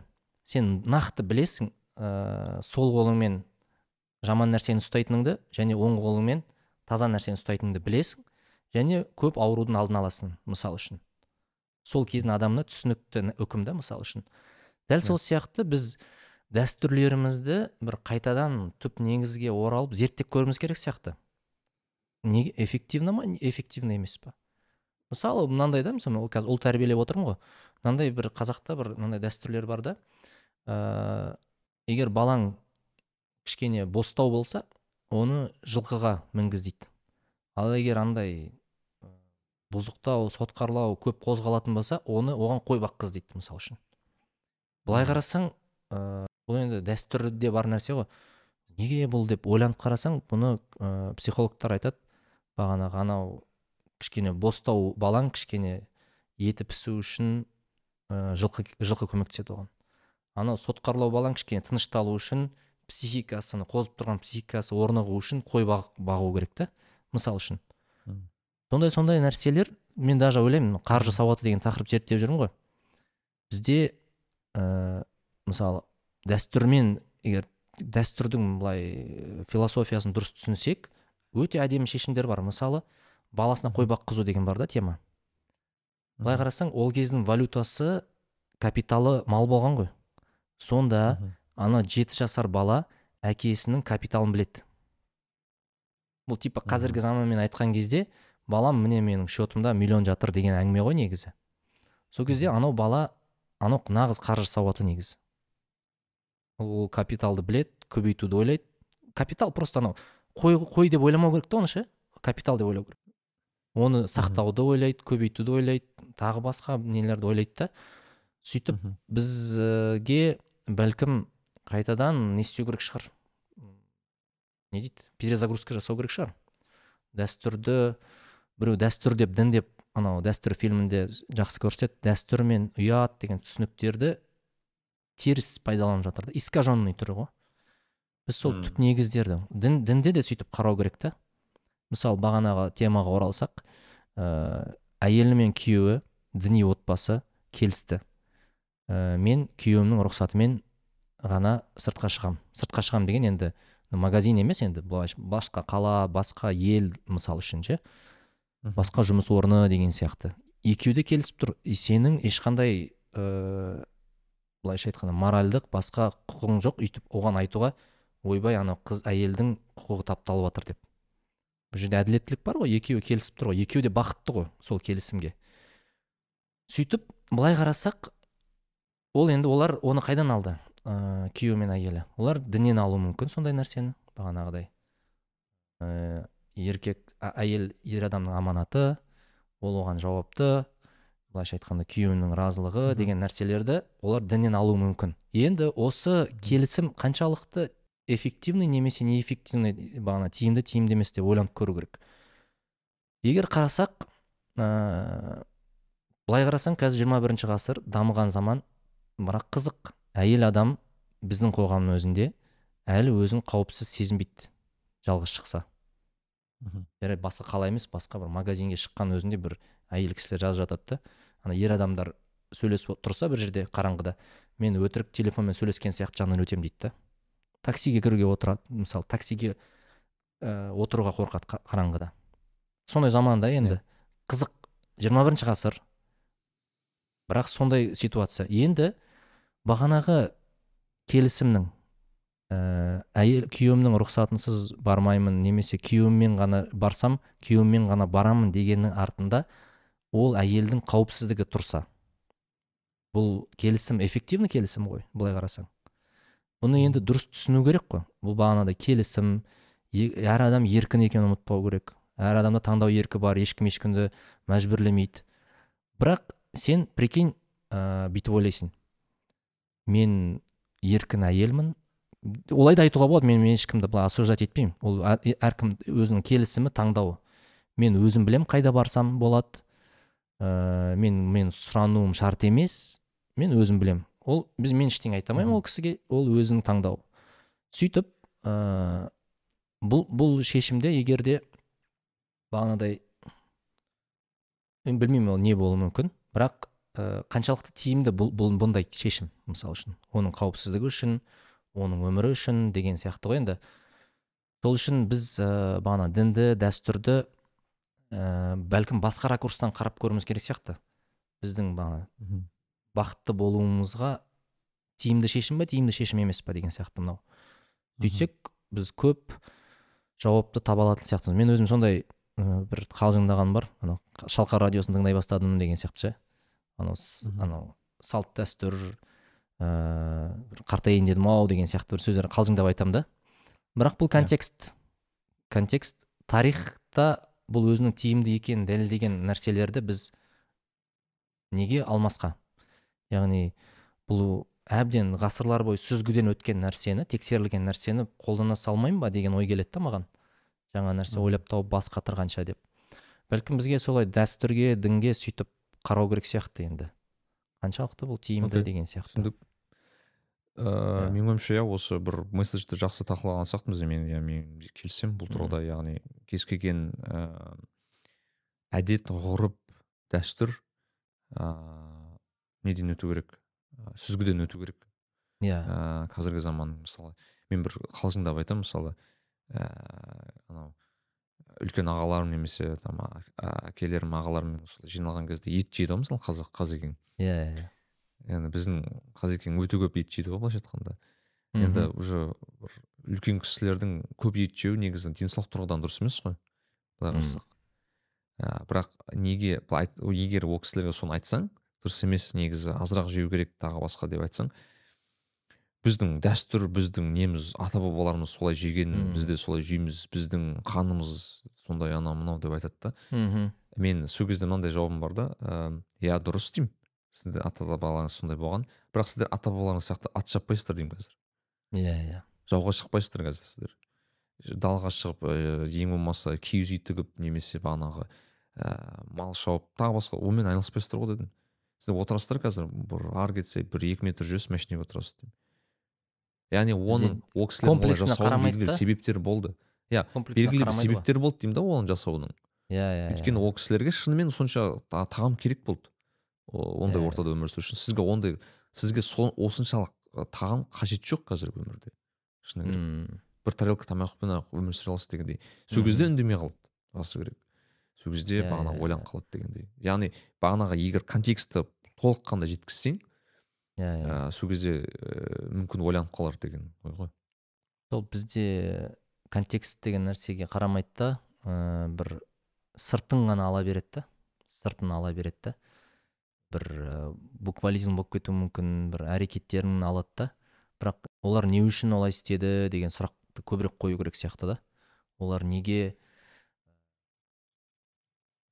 беташар жасады неге ананы жасады не үшін деген сұрақ қою керек. Сол не үшінге қарай дәстүрдің де ә, актуальный актуальный еместігі білінетін сияқты да бағанағыдай. Иә. Бұны не үшін жасады қандай мақсатпен жасады деген а то бізде Иә. көп не бар ғой сүндетке отырғызсам бітті мұсылмансың деген уже. Сыртын ала берген ғой енді. Иә. дұрыс дұрыс. Сондай. Ә, дәке мысалы мен қазір сұрақ ә, біз ә, бұл подкастта көбінесе осы бір дәстүрлі бір подкастымызда мысалы әр жарты жыл сайын не өзгерді деген бір ә, ойларды айтамыз да мысалы ә, жарты жыл бұрын сіз ауылға кітап деген жобамен жүрдіңіз. Сол кезде айт- айтып бөлісіп жаттыңыз. Ауылдарға Кітап ал кітап клуб жеткіземіз дедіңіз. кітап ал клуб кітап ал клуб иә осы Иә. кітап жеткізу кітап ал клуб деген идеяларды айттыңыз. Ә, мен соған байланысты сұрағым не өзгерді соншама? Сол сол кезден бастап. Біз иә жазда жаздық. Ыыы бұл енді бір қоғамға қызмет деп алсақ болады. Көп нәрсе өзгерді. Біз ол жерде ә, жай гипотезаны бөлістім мен. Ол кезде клубтың қанша клуб құрылатынын қанша ауылға кітап жеткізетінімізді нақты білмедік. Бірақ ә, сол ә, біздің подкастымызды пайдаланып бір бөлістім идеямды ойымды. Е, біз қазір құдайға шүкір сол кезден бері ә, ол кезде қателеспесем бір жетпіс ауылға кітап жеткізген екенбіз сол подкаст түсіріліп жатқан кезде. Енді болып жатқан жоба еді. Қазір 140-қа жетті біз апарған ауыл біз кітап апарған ауылдар саны. Ә, біздің месседж мынандай. Қазақ тіліндегі заманауи кітаптарды ауыл балаларына ауыл мектептеріне жеткізу. Ә, және сол арқылы біз енді бәрі оқып, оқып кетеді ау деп қатты күтпейміз. Бірақ та мынандай ой келеді да осы ағартушылық жалпы қоғамға қызметте. Бұны біз істемесек кім істейді деп сұрақ қоямыз. Шынымен ә, бұны істейтін адам жақын уақытта көрінбейді. Тіпті ә, қаланың өзінде бағанағыдай кітап дүкендері бола тұра кітап алмайды оқушылар оқымауы мүмкін. Бірақ мына жерде ә, болады ғой мысалы сен өзің әдетте бір шапан тақия алмауың мүмкінсің арнайы барып. Бірақ саған біреу келіп шапан мен тақия сыйласа сен ә, наурыздан қалдырмай былайша айтқанда киіп жүресің да оны. Дәл сол сияқты. Біз кітап апару деген біздің мынау әрекетіміз бір үлкен қамқорлық болуы мүмкін балаларға ше? Ауылдың балаларына. Құдайға шүкір ә, біз жүз, жүз мектепке жеткіземіз дегенбіз. Жүз ауылға жеттік 140 болды. Темп жақсы. Құдай қаласа келесі жылға дейін төрт жүз деген цифрды көздеп отырмыз. Келесі осындай дәстүрге айналса біздің подкасттарымыз. Келесі жарты жылдық бар келесі жылдың желтоқсаны бар дегендей. Келесі емес осы жыл ғой енді. Ә, яғни біз бұл істі жалғастыра береміз. Ә, мен бір қызық нәрсе айтайын. Абай облысына бардым. Абай облысында семей қаласына барып сол жақтағы бір ағартушылықпен айналыс, айналысып жүрген жігіттермен таныстым. Сол жігіттер мынандай бір қызық оқиға айтады. Олар енді мынандай бір миссия алған екен. Ә, сол облыста абай облысында оқып жатқан ә, жағдайы орташа немесе төмен отбасының балаларын 10-11 сыныпта іріктеп алып сөйтіп ұбт ға дайындайды. Былайша айтқанда үлкен өмірге дайындайды. Университет жақсы оқу орнына түсу үшін бағанағыдай кітап оқу үшін білім алу үшін бір жағдай жасайды бір орталықтар ашып алған. Былайша айтқанда бүкіл абай облысын аралап шығады ә, оқушыларға жобаны таныстырады тест тапсыр, тапсыртқызады сөйтіп үздіктерін таңдап алады. Мен бардым бір жүз қателеспесем бір жүз жиырма жүз отыздай ұл қыздар бар. Былайша айтқанда он мен он интернат қой енді он мен он бір семей қаласында. Мен спикер болып бардым мені спикер қылып шақырды сол сол мектептің жалпы ә, ұйымдастырушылары сол балалармен таныстырды. Мен маған бір әсер еткен оқиға сол жерде. Сөйтіп ә, бұл кісілер енді үгіт насихат жүргізеді ғой тоғызыншы сыныптарға абай облысын аралап. Сөйтіп бір ауылға ә, бару керек болған. Енді абай облысын түсіну үшін кейбір ауылдар бар. Бір сыныпта төрт бала болуы мүмкін бірақ әрқайсысы әртүрлі сыныпта болуы мүмкін. Бір бір бала ғана болуы мүмкін да бір сыныпта. Сөйтіп енді графикті бәрі бірге оқитындай жағдай жасау мүмкін да. Сондай мектептер бар. Сөйтіп қараса ә, бір мектепте төрт ақ тоғызыншы сынып оқушысы бар екен. Әлі 40 километр жаман жол сосын мындай жаздық дөңгелекпен шығып кеткен. Иә. сөйтіп ойланған ғой ана жігіттер. Барайық па бармайық па деп. Ә, сөйтіп енді ә, басшылар айтқан бір оқушы болса да баруларың керек ә, бүкіл ауылдарға үгіт насихат жасалу керек деген сияқты. Сөйтіп ол жігіттер барған. Енді жол жаман жай жүрген сөйтіп түсте бару, бару керек болған бірақ кешке барған ғой. Сөйтсе анау төрт баланың біреуі ғана күтіп отырған соңына дейін мектепте. Яғни олар оған жобаны таныстырған сөйтіп қателеспесем сол бала қазір оқып жатыр. Оныншы ма он бірінші сыныпта сол мектепте. Енді сұрақ. Егер де мына жігіттер ұйымдастырушы жігіттер анау ауылға бармай қойса не болатын еді деген сұрақ. Бармай қойса бір баланың ә, болашағына балта шабудан бұрын жақсылыққа деген үмітіне балта шабатын еді. Сөйтіп ол ауылында қалатын еді. Сөйтіп оның ойлашы тағдыр қалай қандай ә, ауытқу болатын еді. Бәлкім ол мал бағып қалатын ба еді ауылда болмаса басқа бір жаман ортаға түсіп кетер ме еді. Қысқасы ә, мен осы оқиғадан әсерленіп мынандай түйін жасадым өзім үшін. Ағартушылықта аз көп деген формула жұмыс істемейді. Яғни сен көп бізде мынау инстаграм ютубтың статистикасы басқа нәрселер бар да біз кейде осыған алданып адамдарды бот ретінде көріп кетеміз. Мысалы мынау подкастты біз қанша адам көретінін білмейміз. Бірақ ә, біздің мынандай бір қате теңдік белгісі бар. Мына подкастты көп адам көрсе демек біз көп әсер еттік деп. Ничего мысалы тик токта елу мың адам отырады стримда. Соның бәріне қандай әсер етіп жатыр мысалы үшін? Бәрі жақсы болып кетті ма сондай сұрақ та енді. Ә, яғни бұл формула жұмыс істемейді деп өзім үшін шешім қабылдадым. Және ә, бір адамды бір адамды мынау неде құранда да айтады ғой бір адамды құтқарғаным бүкіл адамзатты құтқарғаның деген сияқты. Мен бұны құтқару деген түсінікті былай қабылдадым да өзім үшін. Оның болашағын құтқару ә, оның болашаққа деген үмітін құтқару деген нәрселерді сол үшін ағартушылықта мен түсіндім. М көп адам көп әсер деген формула жұмыс істемейді. бір адамға қызмет ету керек деп ойлаймын да. Ең болмаса бір адам деген сияқты. Сөйтіп ә, осы формуланы тағы да бір қуаттайтын мысал болды. Мен қателеспесем алдыңғы подкастты жазғанда ә, біз мен солтүстік өңірлерге сапар шегейін деп айттым ғой. Біз шілде айында жаздық иә қателеспесем. Біз тамыз айында солтүстік облыстарға сапар шектік та. Бағанағы солтүстік қазақстан облысын аралап қайттық. Сол кезде ә, бір ерекшелік екі оқиға есімде қалды. Қазір бағанағы айтылып жатқан әңгімені қуаттайтын. Біріншісі ыбырай алтынсариннің қостанай қаласында ыбырай алтынсариннің мұражай үйінде мынандай бір ә, суретті көріп қалдым. Ыбырай алтынсарин ә, екі қазақ баланы өзінің киіз үйінде бір нәрсе үйретіп жатыр. Енді контекстті түсіну үшін ыбырай алтынсарин ол кезде кәдімгідей патша үкіметінің ә, бір адвокаты ма сондай бір беделі бар кісі былайша айтқанда. Енді мемлекеттік жұмыстағы адам. Соның өзінде ол екі бала үшін уақыт тапқан ә, фокус тапқан және екі баламен айналысып отыр. Одан бөлек мектебі бар деген дейді. Яғни ағартушылықта аз көп деген формулалар жұмыс істемейді. Өйткені бағанағыдай ғой бұл тікелей адамның былайша айтқанда өмірін құтқаруға тең негізі. Жарқын өмірін. Өйткені көп нәрсе білімге байланысты ғой. Және екінші мысал біз баян ауылға барғанда ә, мынандай бір гид айтты. Ә, қаныш сәтбаевтың мұражай үйінде болдық. Сол кезде гид айтады мұражайында. Ә, гид айтады мына ашаршылық жылдары қаныш сәтбаев осы баянауыл өңірінен он жетім баланы өзінің қамқорлығына алып кетті дейді. Соның алтауы академик болды дейді. Кейін.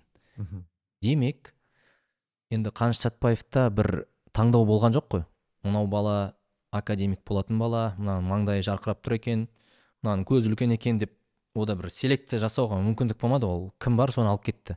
Бірақ бұл мысал нені көрсетеді? Бұл мысал әр адамның ә, потенциалы академик болуға жетеді, жетеді дегенді көрсетеді. Тек yeah. соған бағыт бағдар беру керек тек соған бір жағдай жасау керек қолынан келгенше. Мысалы енді мен қазір ә, кітап ал компаниясында істеймін. Біздің миссиямыз қазақстанды кітап оқитын елге айналдыру. Енді бір компанияның миссиясы бар. Мысалы мені қазақстанның жолдары мен өзімді бір сезінбеймін. Мысалы қазақстанның жолдарын жөндеуім керек деген миссия жоқ менде мысалы. Маған жақынырақ миссия осы. Яғни кітап саласында жүрміз кітаптың пайдасын өте көп көрген адамбыз. Және осыны насихаттау осыны жеткізу бізге бір миссия сияқты. Біз істемесек ешкім істемейтін сияқты деген ой бар да бір. Яғни анау ауылға дәл осы форматта кітапты ә, біз апармасақ жақын уақытта ешкім апармайын деп тұр. Мен ә, ең алғаш дейл карнегиді оқығанмын жетінші сыныпта. Мамам мед, медсестра медбике бір еврей кісінің былайша айтқанда системасын салып бір нәрсе істеп жүрген. И сол еврей кісі ә, кітапханасынан кітап берген ғой дейл карнегиді. Ұлың бар екен мә деп гитара беріп ол олар анау ұлдарды дамытуға қатты мән береді береді. Мен де енді кітапқа қызығып жүрген кезім сөйтіп берді маған кітапты. Былай қарасам ә, енді ол кітап дейл карнегидің кітабы маған біраз көмегін тигізді. Болашақ байланыстарыма нетворкингіма жалпы. Былай қарасам мен ол, ол кітап менің қолыма жетінші сыныпта тиді. Сөйтіп бағанағыдай ә, ол кітап бір мынандай ой қалыптастырды. Ничего себе мен ә, кітап оқып соны өмірімде қолданып өзімді өзгерте аламын деген бір ой болды да менде. Сол ойды берді кітап. Сосын менің кітаппен достығым басталды. Енді елестетіп көрейік. Маған ә, егер ол кітап жетінші сыныпта түспесе ә, менің уақытым өте беретін еді ғой. Мысалы біз қазір ауылға кітап деп ә, барлық ауылға тез тез жеткізгіміз келеді. Неге? Біз қазір ауылға апармаған сайын ауылдағы потенциалы бар болашақ академиктің жетінші сынып өтеді сегізінші сынып өтеді тоғызыншы сынып өтеді. Сөйтіп оның анау ә, балалық былай бір не дейік ә, бала пәк болады да негізі көңілі кішкентай кезде. Көзінде оты болады. Сол оты өшпей тұрып біз бір анау жарық тастап кетуіміз керек та. А оны біз кешіккен сайын ананың оның өмірі өте береді ғой. Жетінші он бірінші класс. Сосын мен байқаймын енді оқушылармен балалармен кездесеміз ғой көп. Белгілі бір жасқа жеткенде ә, не болып кетеді? Баланың көзіндегі от өшеді. Қалай ә, скептик скептицизм пайда бола ма белгілі? скептицизм пайда болады ә, цинизм дей ма қандай? Короче қысқасы баланың ә, мен бесінші сыныптың алтыншы сынып өзім ауылға кітаппен өзім апарғанмын кезінде басында мектептерге барып ше. Кәдімгідей ана жылағың келеді. Анау жанып тұрған бала біз ес, ескендір бестаймен де біз ортақ подкасттарымызда айттық қой. Кейде ә, қылмыс жасайды деп. Ата ана ұстаз. А баланың ешқандай кінәсі жоқ қой. Ол тап таза бала. Тап таза үміті бар өмірді ақ түсте көреді. И сен осы тұста оған анау не свет в конце туннеля деген сияқты бір жарықты көрсетпесең міне осындай кітаптар бар кітаппен дос болсаң сен бір жарық өмір күтіп тұр осындай да өмір сүрудің түрлері бар деп көрсетпесең кітап негізі өмір сүрудің варианттарын көрсететін нәрсе ғой. Ол өзінің ауылындағы бір бытовуханы көріп ол өмір сол деп әлем сол деп қабылдап қалуы мүмкін да. Сол кезде анау баланың ешқандай кінәсі жоқ.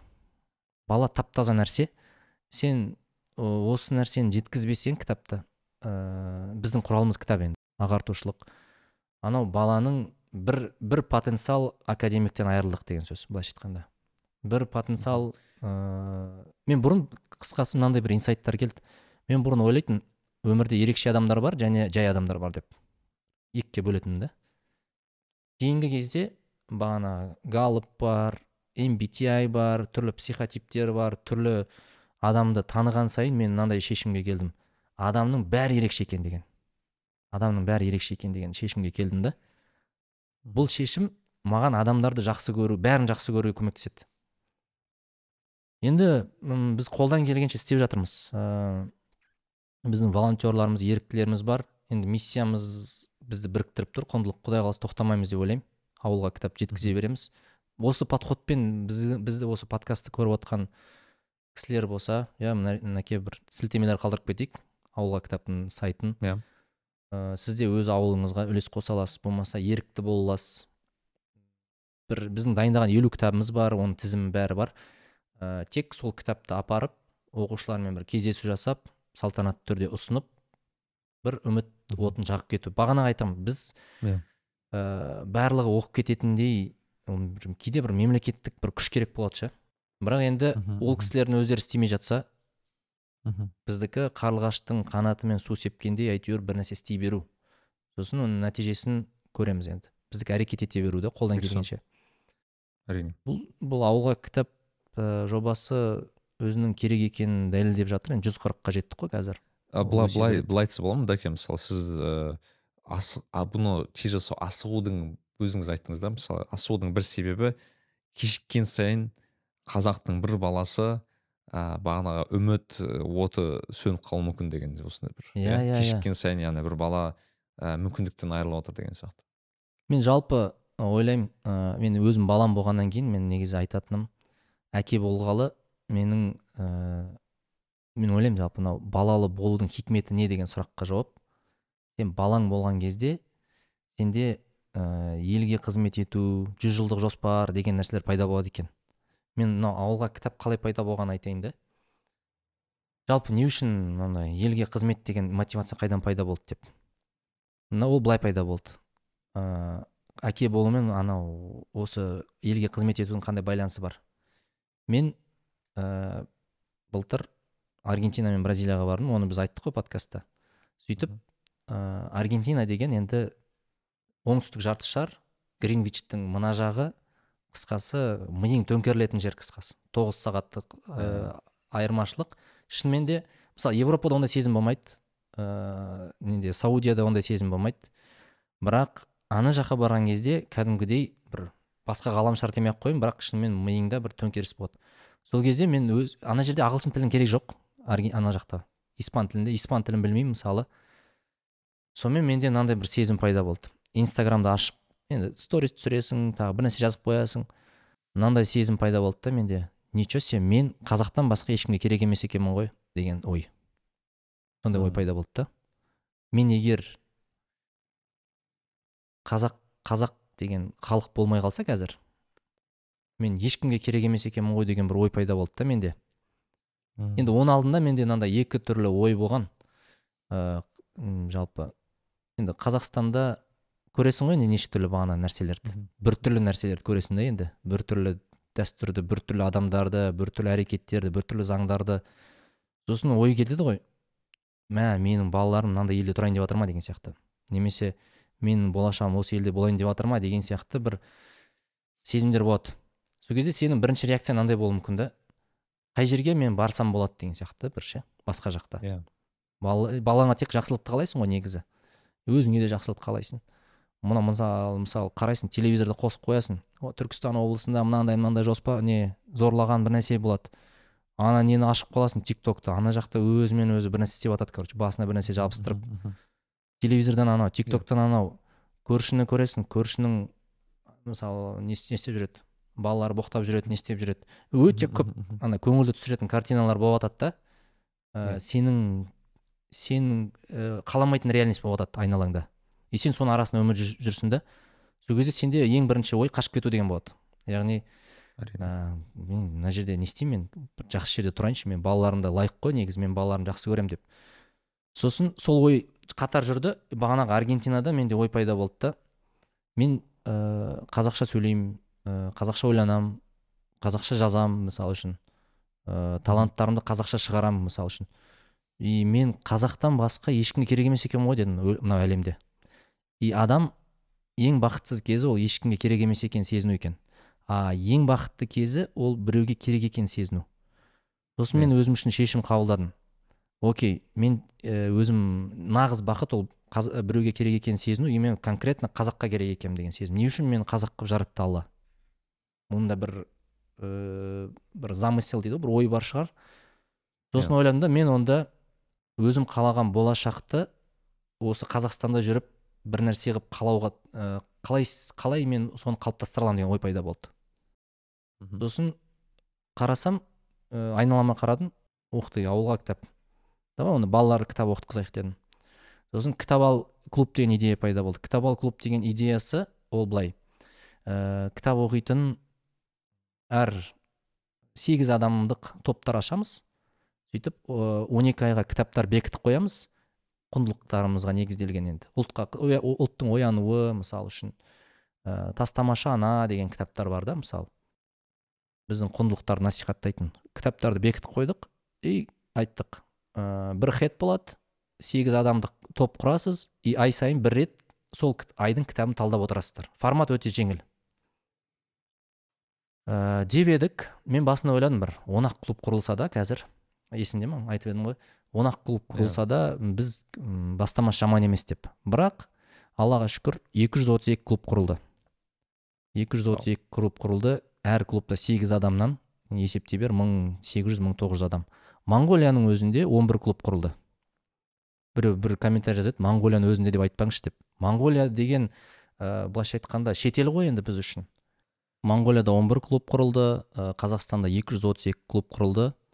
Ә, әсіресе менің қуанғаным солтүстік облыстағы қалаларда құрылды көп клубтарымыз. Қызылжарда екі клуб көкшетауда қателеспесем үш төрт клуб бар. Ә, енді бұл біз күткен нәтижеден де өте көп нәтиже болды. Біз сосын тоқтамай ары қарай кеттік.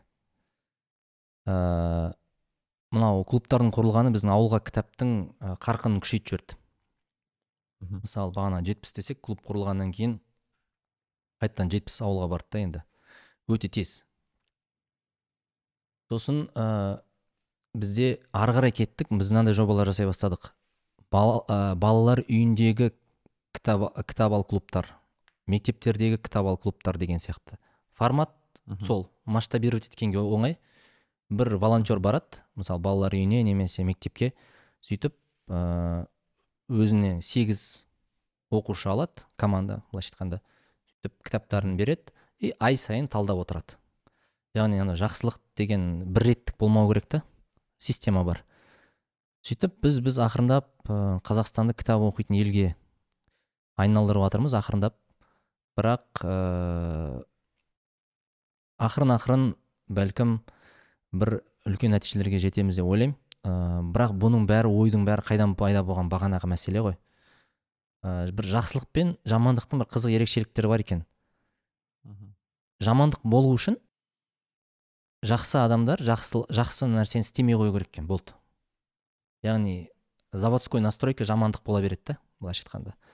Яғни біз егер өйстіп қимылдап бағанағыдай бір жобалар ойлап тауып бір нәрсе істеп сондаймен айналыспай просто қазір барып европаға барып мысалы үшін ақш қа барып өзімді ғана ойлап отыра берсем ә, мысал үшін ә, бәлкім мына жақтағы нәрсені мынаны кім істейтін еді деген сұрақ. Ешкім істемейтін еді. Және оның орнын 232 оқырман клубының орнын 232 букмекер клубтары ашып кетуі мүмкін еді мысалы үшін еді.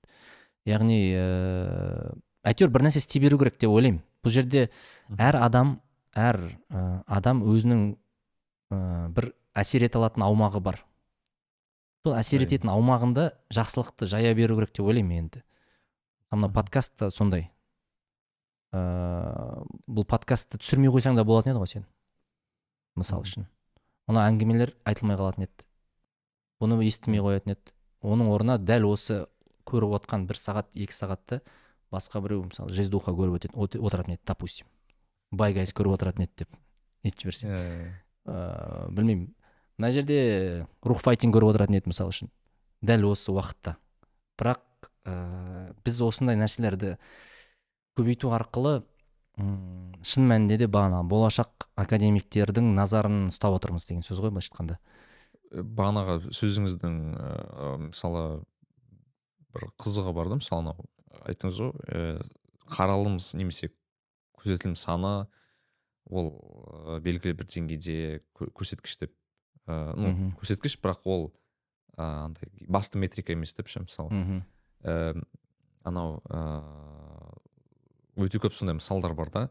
Көп ойлайды мысалы ең мықты ұстаздар немесе бір тренерлер ол өте көп адамды ыыы шығарған деп ше негізі көбінесе керісінше болып жатады да. Яғни наоборот бір екі адам бір екі адамға ғана әсер еткен адамдар болуы мүмкін. Немесе бір топқа ғана әсер еткен адамдар ә, белгілі бір ә, неге жетістікке шыққан. Иә, сондықтан менде ол ол сөз қалай әсер етті маған?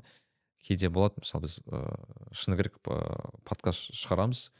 Иә. и біз жазу барысында подкасттың қаншалықты көрілім қалайтынын білмейміз ғой. Және де оған әсер ететін көп факторлар бар. Мысалы там ютубтың өзі. Иә иә мысалы ютуб ыыы, ол ұсына ма ұсынбай ма ол адамға тағы басқа.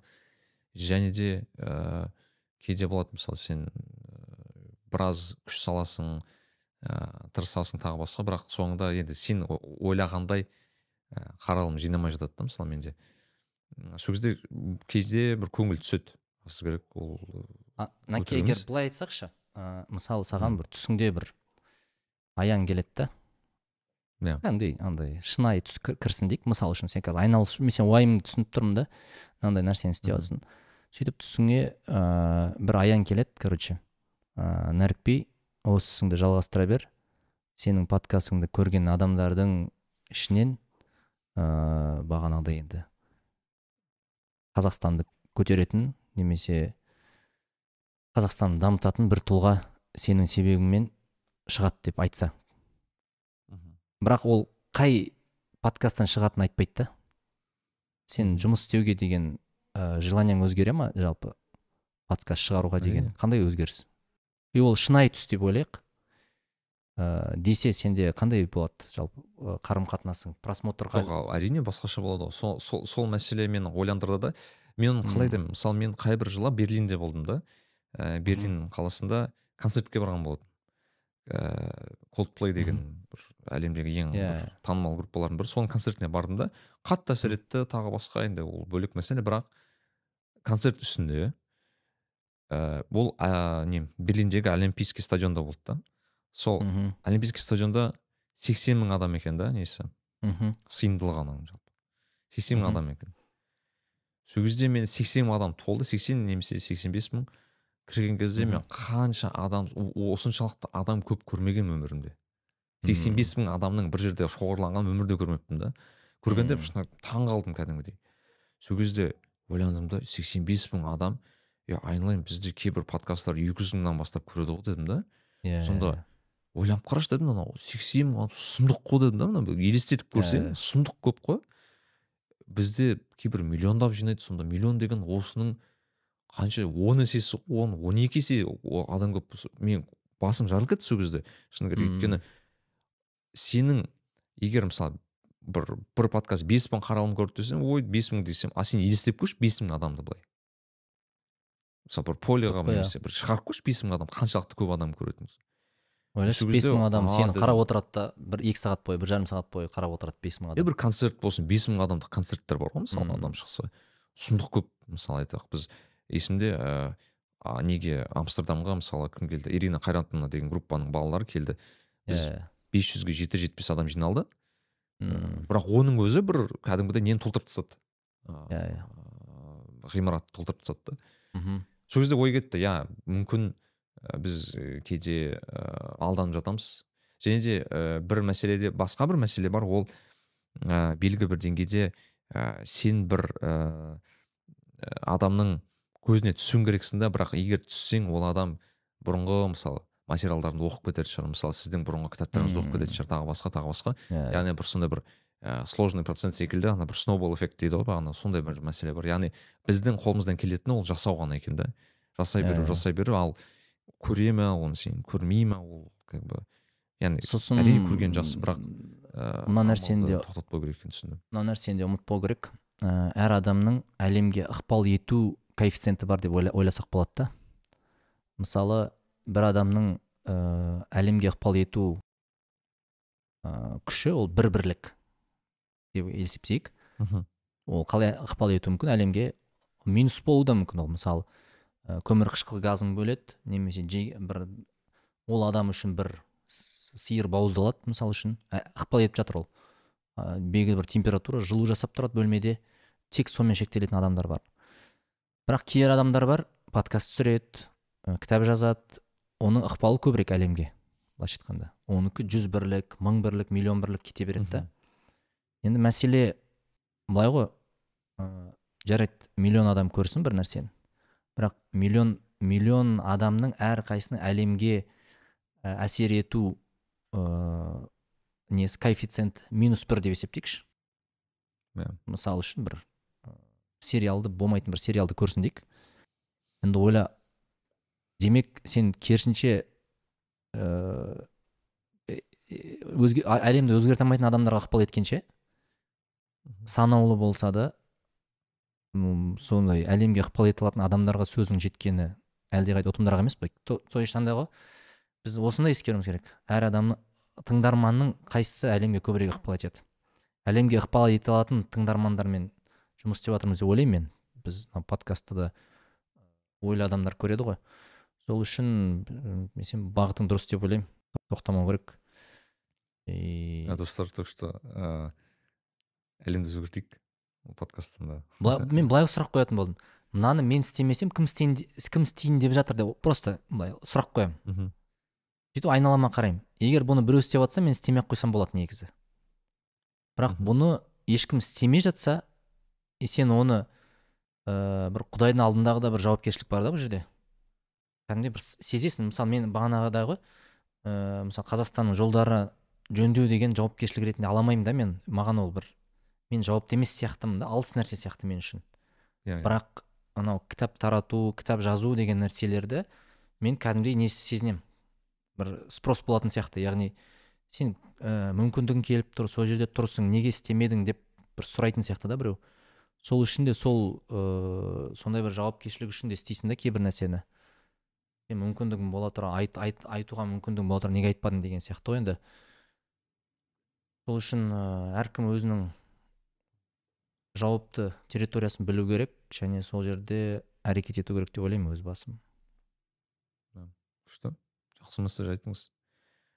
Иә дәке ә, енді м, әр подкастта біз осындай дәстүр бойынша бір белгілі бір жоспарымызды бөлісіп жатады екенбіз.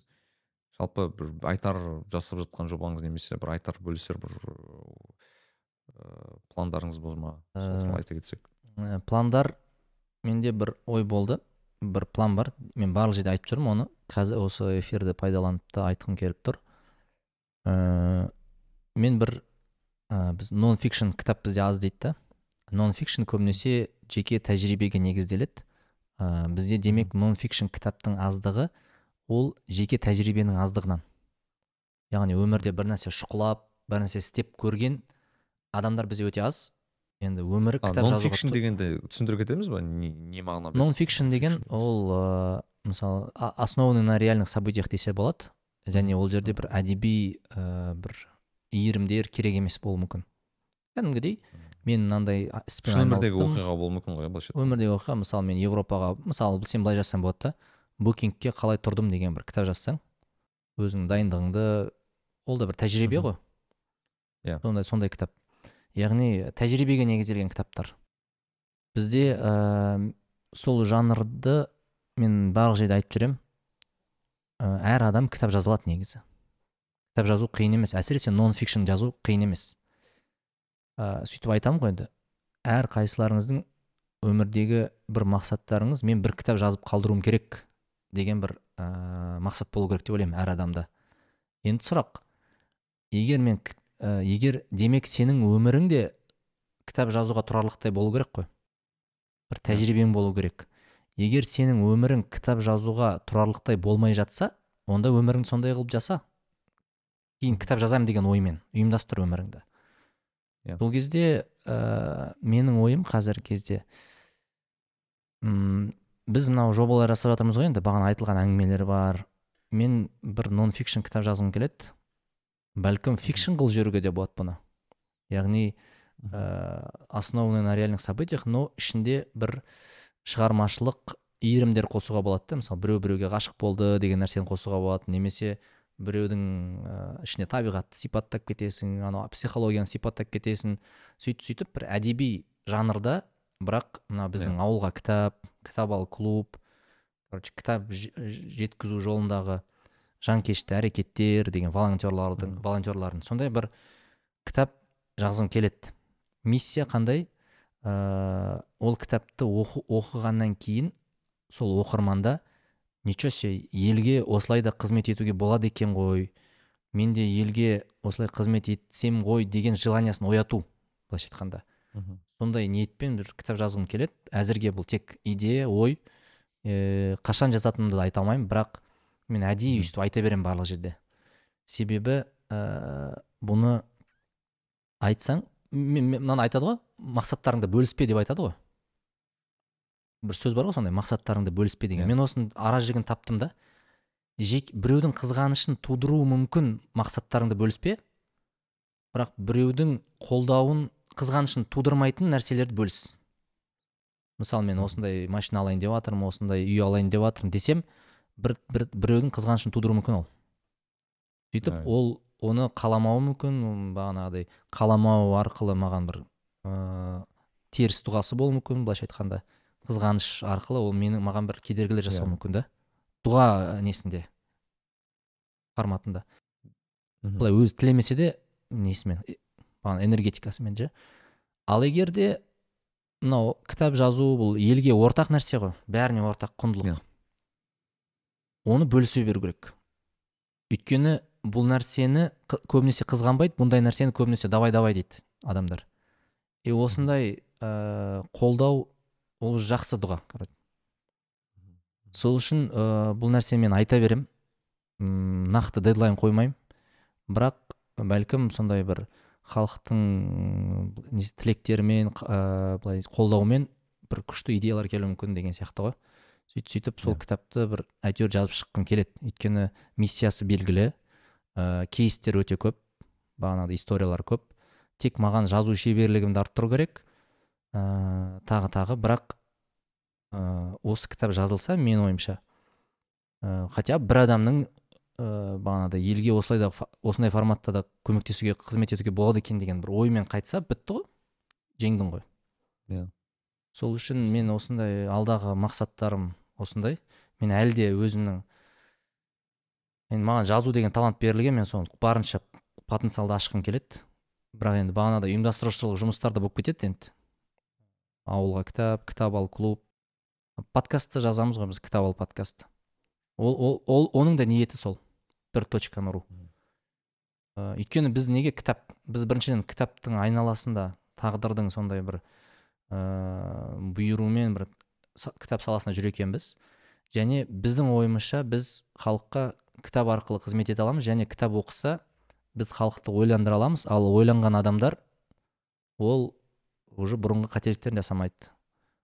Критикалық ойлау пайда болады ыыы сөйтіп ел сөйтіп дамитын шығар деген біздің бір- сондай бағытымыз бар. Ал кейбіреулер болашақ мұғалімдерді дайындайды. Біреулер ыыы teach for казахстан жасайды. Әркім әртүрлі жолмен келеді ғой. Біреу подкаст түсіреді. Амстердамда отырып алып.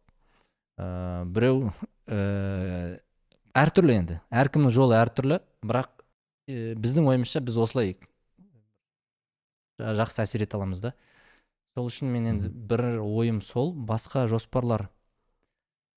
Ыыы саяхат бірақ қай жаққа екенін айтпаймын. Ыыы құдай қаласа ә, келесі жарты жылдықта саяхат жоспарлары бар ә, дәстүрлі бір ол көреміз енді құдай қаласа сондай ниеттер ойлар и мына істеп жатқан жобалар жалғастыра беру үзіп қоймау. Иә біз ә, айтпақшыдай біз айтудан ұмытып кеттік біз осы жарты жылдықта ә, аудио подкаст бастадық. Мен ә, жүргізетін бірақ ә, оның тағы бір жүргізушісі ол дәке Ә, және Ол бір тағы екі резидентіміз ол ескендір бестай және әбілхайыр мәдиұлы ұстазымыз. Ә, өте жақсы басталып келе жатыр өте жақсы келе жатыр деп ой- деген ойдамын. Және де өзінің өзінің бір белгілі бір аудиториясы бар. Яғни егер де сіздер аудио подкаст тыңдайтын болсаңыздар ә, бұл жерге ютубқа яғни осы форматта шықпайды. Бұл тек ә, өзі өзіміздің ә, кешке немесе таңертең отырып жазылатын әңгімелеріміз тыңдап қойсаңыздар да болады. Және де осы менің жоспарым осы жобаны да жалғастыру және де менің ойымша өте көп ә, өзінің бір әсері бар және өзінің бөлек аудиториясы бар екен. Оны да байқадым. Енді нәке өзіңде қандай жоспар? Бір жарты жылдықта бір кейін құдай қаласа тағы бір дәстүр бойынша бір ыыы қорытындысын артқа қарап шығарармыз. Бірақ енді қызық та енді қандай жоспар қандай мақсат. Ә, бағанада ғой біреудің қызғанышын қызғанышын қоздырмайтын керісінше ә, саған тілеулес қылатын бір мақсаттарың болса енді мархабат. Енді сіздікіндей ә, не жоқ екен менде? Кітап жазу деген ондай жоқ. Енді сіз айтпақшы Мм. біздің өнеріміз ә, әзірге сол подкаст жазу болып тұр ғой. Сондықтан ә, осы жобаны әлі де жалғастыру. Ә, және де шыны керек осы жобада ә, бір білмеймін бір қазақ ютубы көбіне жасамайтын заттарды түсіргім келеді. Мысалы ондай ә, жобалардың бірі мысалы ә, шетелде түсіру. Мысалы білмеймін еуропада түсіру ә, немесе басқа басқа елде түсіріп мысалы сондай бір жаңа ә, бір историяларды табу ә, жаңа бір форматтарды тексеру осы ой бар. Өйткені шынымен жаңа басқаша былайша айтқанда біз қайталанғым мен өз өз басым ешқашан қайталанғым келмейді екен және де басқа ел жасап жатқан істерді де жасағым онша келмейді екен. Сондықтан бір ә, ерекше бір форматтар тексеріп көргіміз келіп жатыр. Ә, және де ә, осы жобаға қатысты бағанағы аудио немізді жалғастыру бағанағы айтқандай ә, Мгм. және де өзіме қатысты көптеген ә, әлде кәсіби мақсаттарым бар оны жарты жылдан кейін айта жатырмын оны Ә, біткеннен кейін. дәлірек айтатын болсам. Өйткені бәрі өтіп біткеннен кейін ә, былайда ә, осы жоспарлар бар және де иә сол ә, осы әсерімізді былайша айтқанда үлкейту ұлғайту көбейту мәке ә, мен бір ой келіп тұр. Кейде ә, бағана айттық қой. М, мынау жамандық көбейіп кету үшін м, жақсы адам түк істемей қойғаны жеткілікті. Жақсылықты жаюшы адам түк істемей қойса жеткілікті. Иә. былайша айтқанда автоматты түрде бәрі автоматты түрде бәрі қараңғылыққа хаосқа ұмтылады екен да өмірде. Былайша айтқанда хаосқа ұмтылады. Ол хаосты бір тәртіп жасап отыру ол адамның әрекеті ғой. Ыыы мен мынаны түсіндім. Сен мысалы ойлаймын да жай әшейін ыыы енді жақсы нәрсе айтасың жаман нәрсе айтпайсың жақсы нәрсеге шақырасың істеп жатқан істерің жақсы сен оған сенімдісің просто жай инстаграмда өзіңді көрсете берсең күніге бір, бір сторизбен мысал үшін Мгм. мысал үшін ше оның өзі Иә. м, ә, прикинь оның өзі мына әлемдегі бір жақсылықтың ә, ұстап тұруына жеткілікті екен мысал үшін. Жалпы бұл ә, сен арқылы айтып жатқан басқа адамдарға да қатысты яғни өте оңай. Сен жақсы нәрсе айтсаң жақсы нәрсе істесең тек соны бір сторизбен күніге шығарып отырсаң қиын емес қой. Мен өзім үшін сондай бір шешім қабылдадым. Ал егер де сен сенде таңдау шеш, таңдау бар ғой. Бітті мен ыыы инстаграмды тәрк етемін анау мынау деген сияқты бұл жауып тастаймын деген сияқты. Ә, біз білеміз өмірде андай бос нәрсе болмайды. Ол бос нәрсенің орнын басқа бір нәрсе басады. Иә. Иә. сол кезде ә, біздің мен тыңдап отқан өзін жақсы нәрсені айтып жүрмін жақсы нәрсе насихаттап жүрмін деген адамдарға ең болмағанда күніге бір сторизбен көрініп отыру керек деп ойлаймын қазіргі заманда. Мм. көріне беру керек та. Бұл Әрине. сенің ә, өте үлкен үлесің. Өйткені ә, айтып отырмыз ғой жақсылық жамандық тарап кету үшін бір қатты бір не керек жоқ. Талпыныс күш жұмсау қажет емес. Ал жақсы болу үшін ең минимум ол сторис салуға деген талпыныс қой. Соның өзі керек та. Сол үшін мен өзіме бір сондай бір шешім қабылдадым. Көріне беру ыыы бағана сториз арқылы болсын. Маған маңызды емес оны қанша адам көреді көрмей ма?